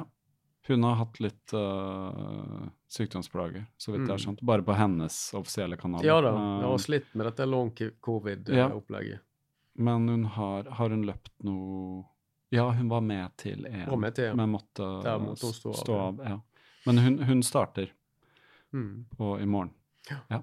Så nei, det blir spennende å se. blir spennende. Eh, Anette òg tror jeg kommer til å løpe bra. Ja. Så, så det, det, blir, det blir moro å se hvem som eh, og, Ja. og hun Ida Slorafoss tror jeg kommer til å gjøre det bra. Ja, ikke sant? Så nei det, nei, det blir spennende. Ja. Det er jo alltid man, mange Det er jo alltid fulltegna løp. Ja, ja, ja. Eh, mange stiller jo selvfølgelig for å ja, se, se hvor lenge de kan holde på, kanskje, og sånn, men uh, Mm. Ja. Ja, vi har ikke vært inne på Vi har ikke snakket så mye om møllen. Nei, det har vi ikke. Det har jeg faktisk Vi bare skrev uh, 264,25 på mølle. Uh, Ja, 264,520. 520 var det. Ja. Uh, hvordan klarer man det? Nei, det er bare å sette møllen på og løpe. Ja, men, det, men jeg tenker på hvis Bislett er tøft å, å motivere seg for, eller løpe for en del, så å, å stå stille og løpe 24 timer på mølle, jeg tenker at Nei da, jeg tenker hvordan- Du må vel gjøre, si sånn som eh, gode venn sier når han løper eh, nedover. Han eh, godeste Kjærevik. Mm. Han er jo stein hakkegal når han løper utfor. Ja. Eh, må bare ikke tenke å slå av, slå av hjernen og løpe. Ja, og bare beina. Så, men det, nei, det er litt um, Altså, det er mye tøffere å løpe på en mølle og ligge på, løpe på samme plass konstant enn det er å løpe på Bislett. Ja, Det det kan jeg si. Ja. Men um, Men du gikk inn for Det, det, det var jo et lite stunt, eller var litt sånn Mm. mediedekning og sånn, og da ville du prøve å ta um, verdensrekord ja. på 24 på mølle, som den gang var Kan du huske det? 261. 261. Så du visste at det her er rimelig tøft, og du skulle løpe lenger Ja, ja, enn du noensinne hadde løpt. Jeg hadde jo ikke løpt lenger enn 257,6 da, så jeg visste jo at det, ville bli tøft. Men ja.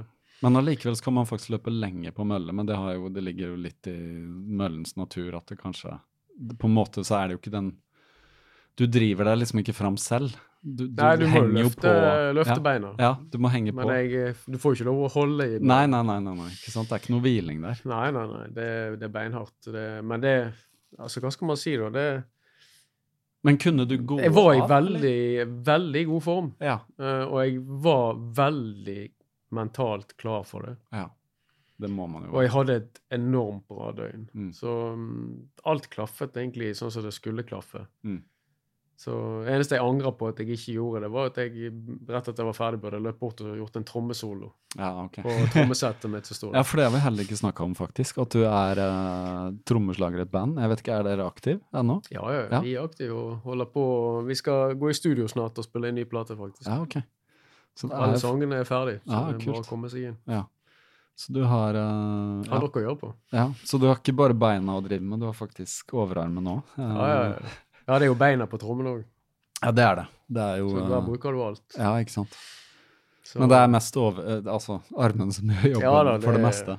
Ser vel ut som Muppet Show når vi holder på. Ja, ja. Hva, hva slags musikk er det du er opptatt av ved Nei, siden nå spiller jeg i et band som heter Golden Boy, og vi har jo spilt sammen siden uh, 1999. Mm -hmm. uh, og det er jo ganske lenge. Det er det. Uh, og dette blir jo vårt uh, fjerde album, blir ikke det? Nå må jeg tenke. Jo da, det blir det. Mm. Og um, det blir, vi gleder oss veldig, Mm. rett og slett, Mm. til å, å gå i studio igjen. For det um, Og så blir det noen liveopptredener og sånn i Ja, ja. Jeg håper jo det at vi Ja. kunne kommet oss en tur til Oslo igjen og spilt òg. For Ja, ja, det, er veldig kjekt å reise ut av Bergen òg. Men Mm. vi har jo spilt mye. Altså, vi har jo spilt i 25-26 stater i USA. Sant? Altså, jeg har vel besøkt flere stater enn en amerikaner noensinne kommer til å gjøre sjøl. Ja. Så dere har turnert der òg? Ja, vært vært Ja. i Kina og Nei. overalt. Så det, nei, det er god stemning. Mm. Det er veldig gøy. Men, hva sjanger vi er? Vi er vel en Er det rockemusikk? Liksom? Det er rock, ja. Ja. Jeg vil si at vi er vel en god blanding av uh, Green Day, Blink 182, alle disse typiske der, Mm. men bare at vi er enda kulere, selvfølgelig. Mm, mm, mm. Hva, nå hørte jeg et eller annet Blink 182. Skulle de Kommer med en ny plate. Ja, ikke sant? Det var sånn folk gikk helt bananas. Ja, ja, ja. Ellevilt. Skal spille i Oslo òg. Skal du da, eller? På Ja, konsert jeg med Jeg må bare få tak i billett først. Ja, ok. Har veldig lyst. Ja. Da, hva spiller de da på, i Spektrum? Spektrum, Ja, ja. ikke sant. Du må, du må ha en stor en. Ja, det er noe spesielt. Men uh, er det noe annen musikk du er opptatt av som ikke er rock eller punkrock? Ja, eller altså, sånn? jeg, jeg hører på alt. Jeg er glad i både blues og jeg er veldig glad i jazz. Mm. Uh, og jeg blir veldig inspirert av å høre den musikken òg, selv om jeg spiller rock. Mm. Um, nå har jo jeg gått på Grieg Akademi òg, så Aha. jeg har jo studert musikk og mm, syns Altså, jeg liker veldig mye, egentlig. Mm. Jeg er ikke låst til én sjanger. Jeg kan Nei, høre på alt. Det, det, det blir litt Country er jo dritfett. Ja, ja. Det blir jo litt sånn. Hvis det er kvalitet, så er det ikke sjangeren på et vis som uh, Nei, nei, nei, Nei. Men det må jo være bra, selvfølgelig. Er du, er du Dylan-fan? Bob Dylan-fan? Ja da. Ja. Han liker jeg. Men jeg er mer Johnny Cash. Mer Johnny Cash, ja. Mm. Ikke sant? Han har slutta å lage plater, men Dylan holder på ennå, da. Det gjør han jo. Det er sant. Jeg bare så han her eh, i Spektrum, faktisk, når han var her nå. Det var veldig flott, det, da. Ja, ja, ja. Nei, det er gøy. Ja, det, er det som er veldig gøy også, er at han holder det gående, da. Ja. Selv om han er Han er vel 81 eller 82. Ja da. Så det, det er Ja, veldig tro på. det er noe med disse gutta. da. De, er- de imponerer. Jeg syns òg Bruce Springsteen imponerer Ja. sterkt. Og han ser jo ikke ut som han er så gammel som han er heller. Nei, han gjør ikke det. Han holder seg dritgodt. Men han trener hver dag, du. Ja. En annen, eh, en annen mann som faktisk imponerte meg også, var Nick Cave, som jeg så på Øya i år. Ja. Ja. Han er ikke så gammel, men han er jo par og 60 eller noe sånt. Men han kom ut på scenen, og det var, bare, det var voldsomt med energi, altså. Ja. Han er også en sånn litt sånn tynn, hengslete fyr, så morsomt å se han sparke i været og ja. Nei, det, er- det, er mange, det er mange artige skruer der. Ja, kult. Uh, andre interesser, har du tid til å dyrke noe annet? Er det noe film eller bøker eller uh, sånne ting som du er spesielt opptatt av? Hvis du bare skal koble helt av fra løping og liksom uh, arbeidsliv og etter ungen har lagt seg og sånn. Ja, jeg kan fint se en god film. Ja. Det er jo null stress. Litt Så- som oss andre liker gode film- og TV-serier. Ja, det er nok å velge selvfølgelig. Der er det nok. Tar du Netflix, så får du fram det meste. Ja, så gjerne Men, disse eh, dager så har man Netflix og to-tre andre i tillegg, så Ja, er liksom, problemet er jo hvor Det blir litt over, overflow. Det blir litt for mye, ja. Men uh, det morsomme er jo at når vi går inn i desember, så blir Jeg er jo en, jeg er jo veldig glad i jul. Ja. Jeg er en veldig julete person, så da da ser man jo òg at plutselig Oi, nå fyller de opp med alle julefilmene som finnes her. Ja. Sånn, så, da blir man sånn at man sitter og ser på en julefilm istedenfor. Ja, ikke sant. Men når vi snakker om jul, og det er liksom årets siste løp og sånn, uh, er det nå du kan ha liksom litt sesongpause? Eller Ja. slippe litt opp? Hvor lenge, hvor lenge slipper du litt opp da? Hvordan Nei, legger altså du opp etter dette løpet eh, som kommer nå, så er det jo um, Går det i hvert fall en hel uke der man prøver å reparere seg sjøl. Ja. Og gjøre alternativ trening fra spinning til aquajog til uh, Ja. ja, kanskje en bitte liten, kort, rolig tur uh, Mm. på gresset. Mm. Uh, og så går jeg inn i en, i en slags eh, Hva skal man kalle det for, da? Ja, du har en roligere periode. Mm. Eh, jeg trener, men jeg Mm. trener veldig mye mindre. Mm. Og det er bevisst, Ja. for man trenger det. Du bare sl slipper opp og Ja da, og det passer jo egentlig veldig godt når julen kommer, Mm. og desember er der. For det, da er det travelt nok med mye annet. Det er det. Og så kan man sette seg ned, og så er det gjerne den perioden man setter seg ned og man spiser mer og Ja, ja, ja. drikker litt. Men det er jo en gang i året. Det er bare en gang i året. Så um, det er jo det som skjer mellom, julen, ja, mellom eh, nyttår og jul som uh, mer Som viktig betyr å noe. tenke Det på. er sant, det er sant. det. Så når begynner du å liksom skru opp i en mengde Nei, det blir nok, uh, blir nok i slutten av uh, desember, starten av januar, så er vi Ja. i gang igjen. Ja, Så- Så det er ikke Ja, i hvert fall i starten av januar. Ja. Og hva er, hva er første mål da? Til, Nei, første nå blir jo å, å um, ja, komme seg på den treningsleiren Mhm. som er i slutten av januar. Mm. Uh, da er det to uker der, så det er jo det første. Og så uh, blir det nok kanskje Bergen Ultra med 100 km der. Mm. Og så skal jeg løpe NM 24-timers i uh, juni, Mm. i, på Hell. -hmm. Og så skal jeg løpe Mors 100 i september. Mm. Og så blir det VM i Taiwan Ja. i desember. Men innimellom alt dette her, så kan det bli et stunt. Ja. Og hva, har du noe spesielt i tankene, eller? Ja, det har jeg. Ja, du kan ikke si noe om?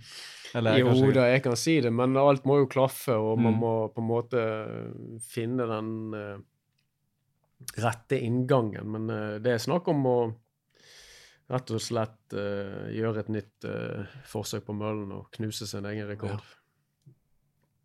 det er Så ja, nei, men gøy. Så, men eh, man må bare Ja. Vi har, vi har lyst til å ha det på en spesiell plass, og da Ja, eh, venter man litt på å få alt Ja. godkjent. Ja, men det er spennende, da. Det er spennende. For Mm. det handler vel litt om det. Når du har den mølla, så er det litt omgivelsene som Ja, betyr noe. Ja. Nei, og så er det jo det at uh, nå har vi den rekorden Altså, det er jo en Guinness World Record. Den har jo stått siden Den har jo stått siden eh, oktober eh, 12. oktober 2018, så den er jo, det er over fire år siden. Mm. Og ingen har klart å ta den. Mm. Så har det vært dritgøy å ta den sjøl. Mm. Er det, er det mange forsøk, da? Det er jo ikke Ja, så vanlig. det har vært en del forsøk. Ja, Så det har det. ja. Er det noen regler rundt det? Som, for Ja, at jeg tenker er møller er ganske strenge regler. Ja, ja, for møller er jo Guinness er jo den offisielle rekorden. Ja. Altså, det finnes jo masse sånne alternative book of records og mye Ja. sånne rare Ja. ting. Ja. Men de får ikke noe telling. Nei. Et eller annet sted må man liksom ha en Ja, standard. det er, de, er så, de er så Altså, det er så tøffe krav. Altså, jeg sendte Når vi hadde dette, så hadde jeg Jeg hadde to vitner Mm, som satt på hver sin stol mm, i fire timer i strekk mm, og bare så på meg. mm, Etter hver time så gikk de fram, mm. noterte nøyaktig hva jeg hadde løpt, Mm. satte seg tilbake og fulgte med. Ja. De fikk bare være i fire timer, så måtte det være to nye. Ah, okay. Og sånn var det i 24 timer, helt til vi var ferdig. så seks bytter. Ja. Eh, og, men det var jo masse vitner. Det var jo fullt hus. Det Ja. var jo konstant 100 mennesker inne i det rommet der. For hvor gjorde du det, da? Det var på, eh, på en, eh, Aktiv 365 sine lokaler på Paradis. Ah, ok. Ja. Så, og det er klart vi hadde kjendismølle. Kygo løp en time, og det Mm. var jo sinnssyk stemning. Så var det folk som kunne løpe ved siden av, da? Ja, da hadde jeg Ja. kjendismølle ved siden av Ja, min mølle. Ja, ja. Og så hadde vi publikumsmøllene. bare-. Mm. Får bare sett noen uh, videoer Mm. fra Ja. Neida, så, og, men det er klart at sendte jo, vi sendte jo inn 50 A4-sider Med dokumentasjon. med dokumentasjon. Vi Ja. sendte inn 25 timer med video. Oi. Alt, alt, må streames. Alt skal de ha på video. Har, har du lov til å gå av og gå på do og Ja, komme det har du lov til. Ja. Men da, nei, da pauser du møllen Ja. mens tiden går. Ja. Da hadde vi hadde en egen stor klokke som viste Ja. tiden hele Ja. tiden. Og så hadde du en skjerm som var koblet til møllen, som viste konstant den var, når den var, hadde pause, og viste når eh, du løp, og Mm. hvor mange kilometer du løp, og så videre. Så det Mm. var det er helt enorme strengkrav. Jeg, det har ikke vært mak, sett maken. Vi hadde inne folk fra Teknogym for å måle opp øh, og øh, kalibrere møllen, Mm. sånn at alt der var på stell. Mm. De måtte ha dokumentasjon på at tingene var kalibrert. De hadde Mm. dokumentasjon på at han sto i vater. Mm. Alt. For det må han jo, for hvis han hadde stått i nedbakken. så Ja, ja. Nei, alt. eh, Det, det var ikke ja, ja. noe som ikke var Nei, tilfeldig der. Ja. Vi hadde til og med en advokat der for å lese eh, kravene, eh, så vi jo ikke gjorde feil. Ja, ikke sant. Ja, men da skjønner jeg. Det er et lite prosjekt, det der. Det er et prosjekt. skal- det, det er det, altså. Men fordelen er jo at man har gjort det en gang før, så det Ja, blir litt lettere, det blir litt lettere, ja. denne gangen. Ja, men det er gøy at den tilhører deg og Norge, da, kan vi si. Ja, ja. Absolutt. Det er moro. Nei, men kult. Hva, hva gjør du i morgen som er dagen før uh, Bislett 24, nå, da? eh, nei, morgen blir det å slappe helt av. Ikke Ja. noen ting. Du bare sover til uh, Ja, vi må så, våkner. til, så vi rekker akkurat frokosten, Ja, tenker jeg. ja. Og så Så går du ikke rundt og sightseeing i Oslo hele dagen? Nei, eh, altså vi tar oss en tur. Ja. Altså ned på Spikersuppa, og jeg bor jo rett ved siden av den nå. Ja. Scandic Karl Johan, så det er jo Det er jo ikke langt å gå ned til eh, å få seg en vaffel. Nei, det er det ikke. Du, du er liksom der hvor eh, veldig mange som besøker Oslo, er. I, i det området Ja, ja, der men nede. det er jo veldig kjekt. altså det jeg også syns jeg er veldig kjekt med å komme Siden jeg er så julete som jeg er, så syns jeg det er veldig gøy og når jeg kommer til Bislett, at Mm. julen allerede er begynt her. Den er det. med dette er spikersuppemarkedet. Det er jo Ja, det er det. får en sånn god følelse, da. Sant det. Hvem er det du har med deg som support, da? Eh, Jeg har med meg Anders, Anders Kjærevik, en Ja. god kompis. Ja. Han er jo en god løper selv. Veldig god løper. Ja. Men han løper ikke flatt, vet du. Nei, ikke Han sant. skal Han er, løpe han er fjell og terreng. Ja. Du har ikke tenkt noe på det, da?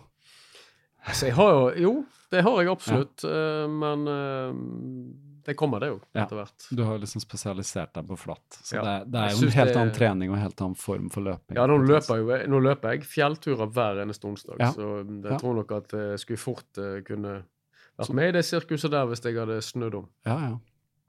Hva, hva tenker du om utviklingen der? For der virker det som også har vært en Ja, det, skikkelig li, like eksplosjon. stor, det er jo like stor utvikling der Ja. som det er på både 24 og 100 Mm. km. Så det er det absolutt. Vi har et veldig sterkt herrelag, spesielt Ja. på, på terreng Ja. ultra. Ja, det har det. Så det, Nei, det blir spennende. Det er veldig gøy. Det er gøy å følge med. Det er, det er et eller annet med Jeg vet ikke, vi har alltid vært en idrettsnasjon av inntrykk av. Det har vært mye ski og vinterting, da, men det virker som løping Løping er jo egentlig mye større. Ja, det er jo Det er bare større. nordmenn som tror at ski er så stort. Ja, jeg har skjønt at det ikke er det, da. Man ser jo på liksom ja. Nei, ski er jo Det er jo veldig begrensa hvor du kan gjøre Løping kan du jo gjøre overalt. Nei, men det ser du jo bare på sant? Altså, det er jo, I USA, for eksempel, så er det jo ikke mange som vet hvem disse skiløperne våre er. nei. De har mer peiling på hvem Ingebrigtsen og Warholm er. De har det. De er jo verdensstjerner, ikke sant? Sant? Og ikke minst eh, ja, verdensstjerner. Se nå bare på uh, Brynegutten, det. Ja, ja. Det er sant, det. jo, eh, Haaland er jo helt vill. Ja, det er helt vilt. Ja, det er imponerende. Så- Bare hå- Håpe at Norge Haaland er jo den største stjernen vi har. Han er det nå. Han er en av kanskje den største totalt. Så Mm. bare håpe at norske landslaget hever seg etter han. Men det virker som Ja. det gror godt der, da. Jeg tror de må bare fortsette sånn som de holder på nå, for det, Ja. de, de er inne på noe, i hvert fall. De er inne på noe. Og selv om de har litt sånn ujevnt resultat og litt ujevnt spill, så er det, det handler om å bare Ja, det er noen unge folk der, og sånn, Ja, så det handler om å bare få de litt Så det blir spennende å se det. Og på EM eh, skal være i Tyskland om et par år. Eh, et siste spørsmål må jo være Følger du med VM i Qatar, da? Eller? Hva skal man si til Det Det er litt spesielt, hele der. Ja, det er jo et veldig Altså, følger med og følger med. Eh, står det, kommer det plutselig på, så kan jeg sitte og se på Jeg er jo veldig glad i fotball, Mm. så jeg, men eh, jeg skal ikke si at jeg kommer til ni stirrer på den skjermen for å følge med på alt. Jeg fikk jo med meg at eh, det ble sjokktap for Argentina og sjokktap for Tyskland, Ja. men, Jeg ser resultatet, det men jeg, nei, jeg er ikke inne og ser hele kamper. Nei. Det er jeg ikke. Jeg tror Men- det er mange færre som gjør det nå, men selvfølgelig etter hvert som det kommer til sluttspillet, så, Ja så blir det jo større. Ja, men jeg tror jo òg at man, man skal Man må jo jeg vet ikke, Det er kanskje litt vanskelig å klare å skille alt dette fra hverandre òg. Mm. Det er jo Hvis du bare tenker fotball, så skal det jo egentlig være enkelt. Mm. Men uh, når det er så mange Altså når mennesker fra Qatar kan si at det å være homofil Mm. er en hjerneskade, Mm. eller uh, så, så tenker jeg hallo. Ja, vi har et lite stykke å gå der. Da har de langt å gå. Så det er, det er kanskje det, da. At de, de må Ikke sant, de har levd i litt sånn isolert uh, virkelighet. Så det handler om å på en måte, når de ser at hele verden kommer, og at det er uh, en annen måte å tenke på, det er det som fører til forandring. Så Ja, tross om det er en skandale på mange måter, så er det Nei, kanskje det altså, som må de til. kan, da. altså, uansett hvordan de tenker, så kan Ja. ikke de tenke at det er en hjerneskade eller at Nei. det er en sykdom. Nei. Det er jo ikke det, det. Men det er jo ofte hva folk har blitt fortalt, som er hva de Ja, tror. ikke sant? Så det er noen som har Men nå er vi jo ikke, vi er ikke i 1940 eller 1915. Nei, vi er jo ikke vi det. er i 22.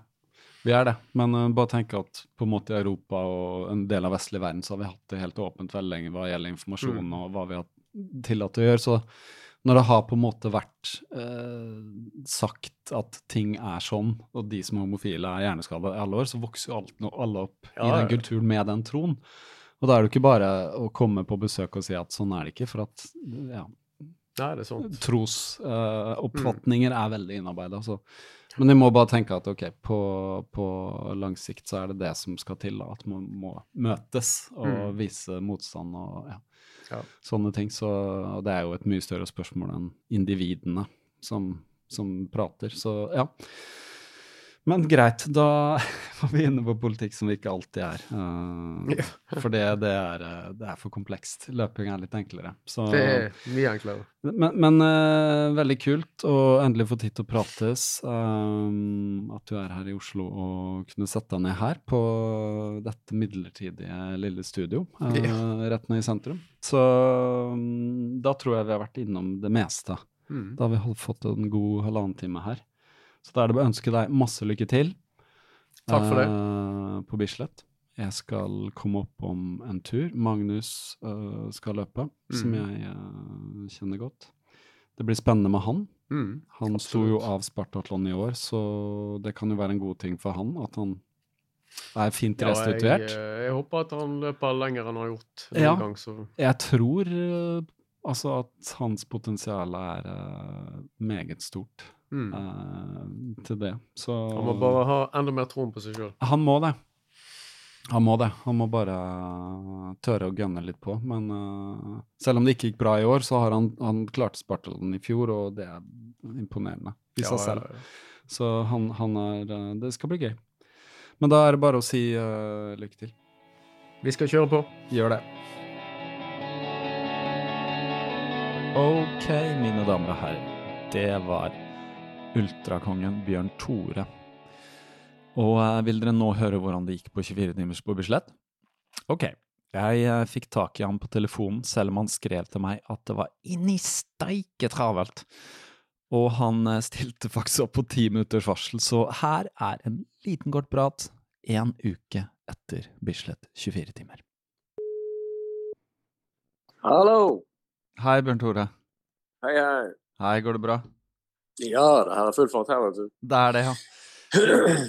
Du, det var bare en tanke, ikke sant? For at det var veldig morsomt å få bare en liten kommentar fra deg. Ja, I forhold til uh, Bislett 24, uh, mm. siden vi snakka med hverandre i forkant. Bare fortell litt fra løpet og hvordan det gikk, og i etterkant og i det hele tatt. ja, det må vi jo få til. Hvordan har du det nå, forresten? Nei, altså, man kjenner jo at man har løpt eh, over 260 km. Eh, men eh, kroppen er jo en, et underfundig, underfundig sak. Så det jeg har jo Man restituerer jo ganske raskt, egentlig. Men eh, Ja. jeg vil ikke si at jeg er klar for å gå ut og løpe et nytt løp allerede nå. Men Nei, eh, nei. det er man ikke. Hvordan har man det rett etterpå? Nei, rett etterpå så er man jo bare superglad. Og jeg var jo ekstremt glad for at jeg endelig eh, klarte et mål jeg hadde hatt lenge. Ja. Eh, og ikke minst at jeg eh, slår min egen eh, personlige rekord som hadde stått eh, siden 2015. Ja. Imponerende. Hadde du, hadde du Jeg vet at du var ganske fokusert på forhånd, men hadde du trodd at det kunne gå? Ja, jeg eh, lå jo egentlig ganske godt an til å kunne ta den norske rekorden òg, men så er det jo det med et 24-timersløp at du alltid får eh, Du får en tøff periode uansett i løpet. Eh, Ja. Nå var det ikke sånn at den perioden som jeg fikk, varte jo ikke Han varte kanskje en god stund, men han gjorde ikke at jeg måtte veldig ned i fart, men jeg måtte ned i fart. Mm.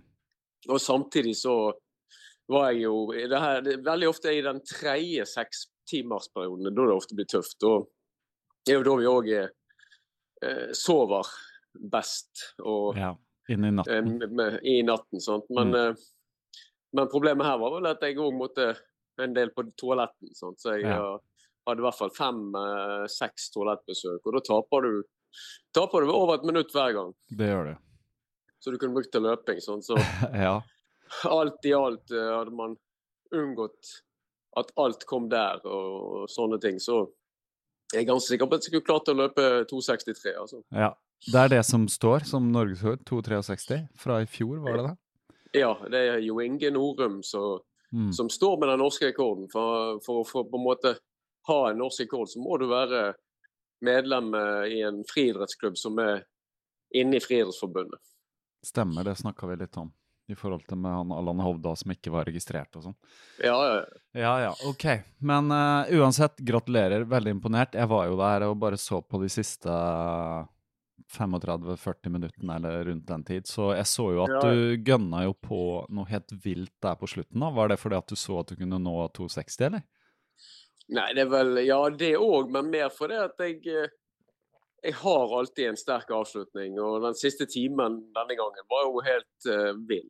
Jeg uh, husker at jeg passerte nøyaktig på 23 timer. Da hadde jeg løpt 247 km, så jeg løp jo 13,2 km på en time. Ja.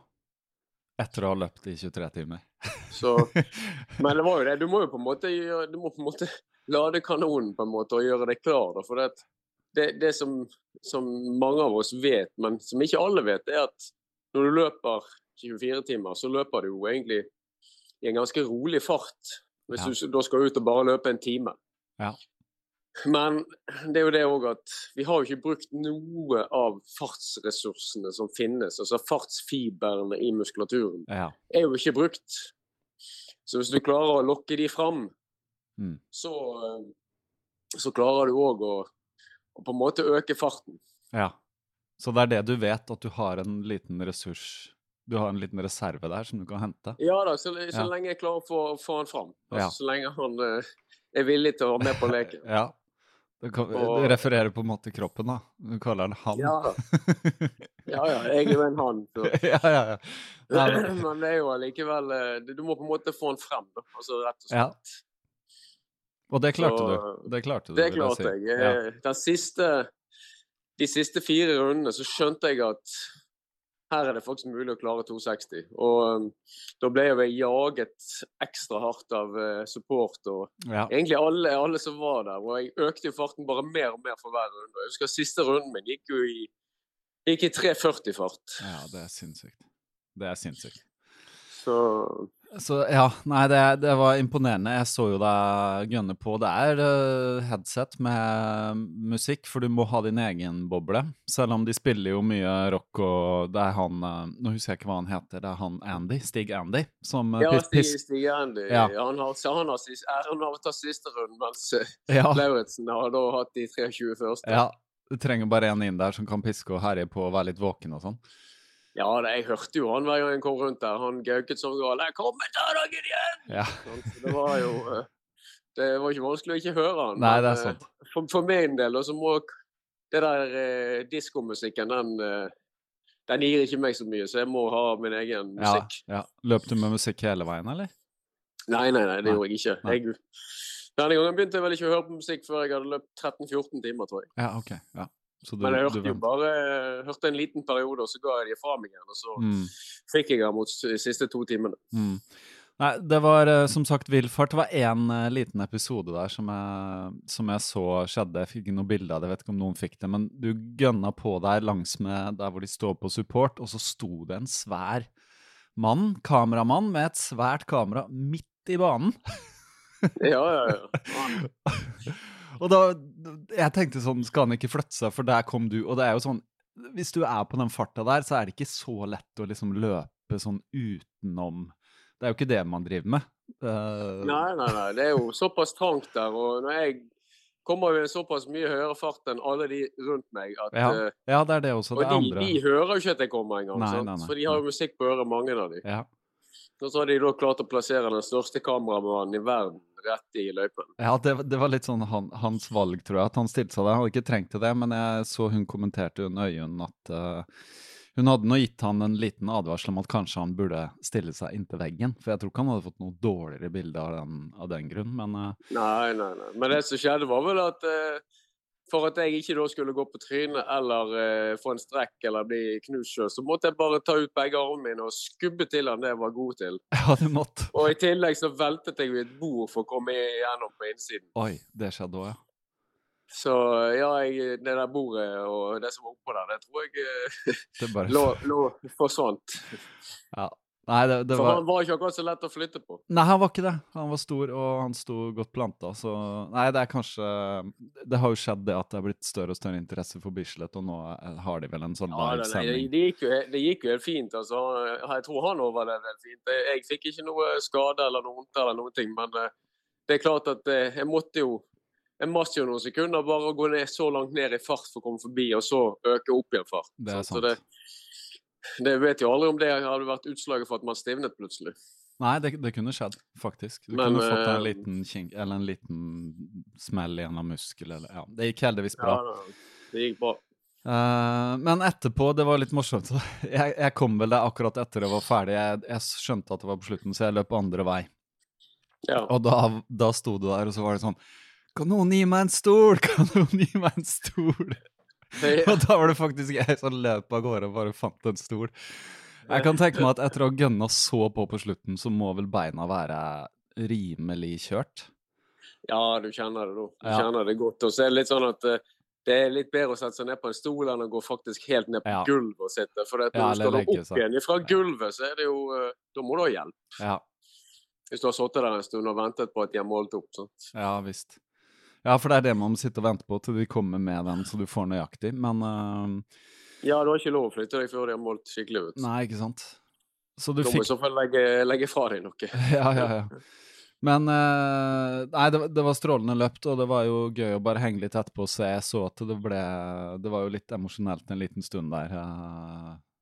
Ja da. Det, Så, det, blir jo fort, det blir jo fort sånn når man når, når, når man vet hvor mye arbeid som er lagt ned, og så Ja. får man betalt. Ja. Nei, det, det var enormt, eh, og det er, det er jævlig gøy da, at det er mulig å perse i 2015, og så syv år etterpå uh, ta den. Ja. Jeg, er ikke, jeg er ikke ferdig ennå. Nei, ikke sant? Sånn som vi snakka om litt i forkant av løpet også. Men, eh, men veldig kult. Du har jo, ja, det snakka vi litt om, nå har du mulighet til å ta deg litt fri og slappe av, men nå kommer jo jule, julekjøret, da. Desember, så Ja, Det er vel men nok- eh, jule, nok- julekjøret er noe kos, da. Ja, det er jo det. Det er sant, det. Det er litt, jeg tror det er litt hva man gjør det til sjøl. Altså, jeg har aldri vært en person som stresser for mye. og eh, Dette eh, evinnelige pakkekjøret og alt dette. Det, mye av det kan ordne hjemmefra. og ja, Det er Ja. mange måter å gjøre ting på. Ja. og vi har nå så masse dyr her på gården og Ja. masse greier, så her blir det kos uansett. Det, det er mer enn nok å styre med. Ja. Men, men, men det var gøy å bare få en liten kommentar av deg, og så får du bare ha, egentlig bare si god jul og lykke til. Og så starter vi igjen på nyåret, så får vi snakkes igjen uh, ved en annen anledning. høres, høres bra ut. Det var det som er moro òg, er jo at uh, i i år så har jeg, det, har jeg de to lengste resultatene for, for Norge. Ja, du har det. Så det, så det er jo litt morsomt. Det er veldig morsomt. Så er det vel eh, norgesmesterskap neste år igjen, da? Ja, da skal vi Ja, vi skal til Hell, da. Du skal til Hell, ja. Ja. er der NM. Når, og det er snart 24 Hours in Hell heter det. 24 Hours in Hell. Ja, Det er på Stjørdal. det stemmer. Det stemmer. Så det er vel uh, juni? Ja. ja, ikke sant? Og det blir jo noe å se fram til. Det er mange ting som skal skje med VM, som vi snakka om alt. ja. Nei, men kult, Bjørn Tore. Du får bare ha, ha en god dag videre, og så nyte desember. Yes, takk for det. Så må du òg ha god jul, så snakkes vi. Tusen takk. Vi snakkes, da. Ha det godt. Ha det, ja. Hei, hei. Så hva tenker vi nå? Han setter rekord med over 260 km. Imponert. Jeg er faktisk imponert. Nå gjenstår det bare å eh, takke Bjørn Tore for praten, alle dere lyttere for uh, denne reisen, uh, og for at dere deler podkasten med de dere kjenner.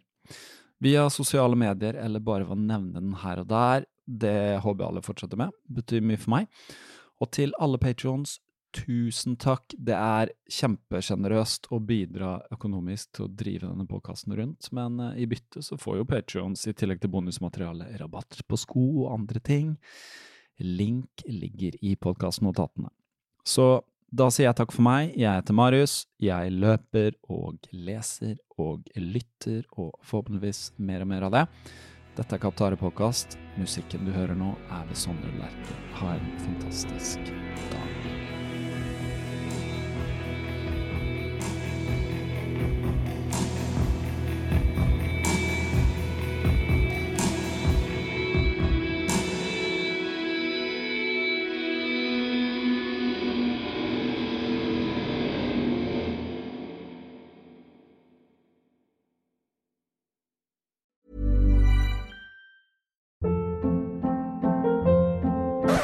Up. What was that? Boring. No flavor. That was as bad as those leftovers you ate all week. Kiki Palmer here, and it's time to say hello to something fresh and guilt-free. Hello Fresh. Jazz up dinner with pecan-crusted chicken or garlic butter shrimp scampi. Now that's music to my mouth. Hello Fresh. Let's get this dinner party started. Discover all the delicious possibilities at hellofresh.com.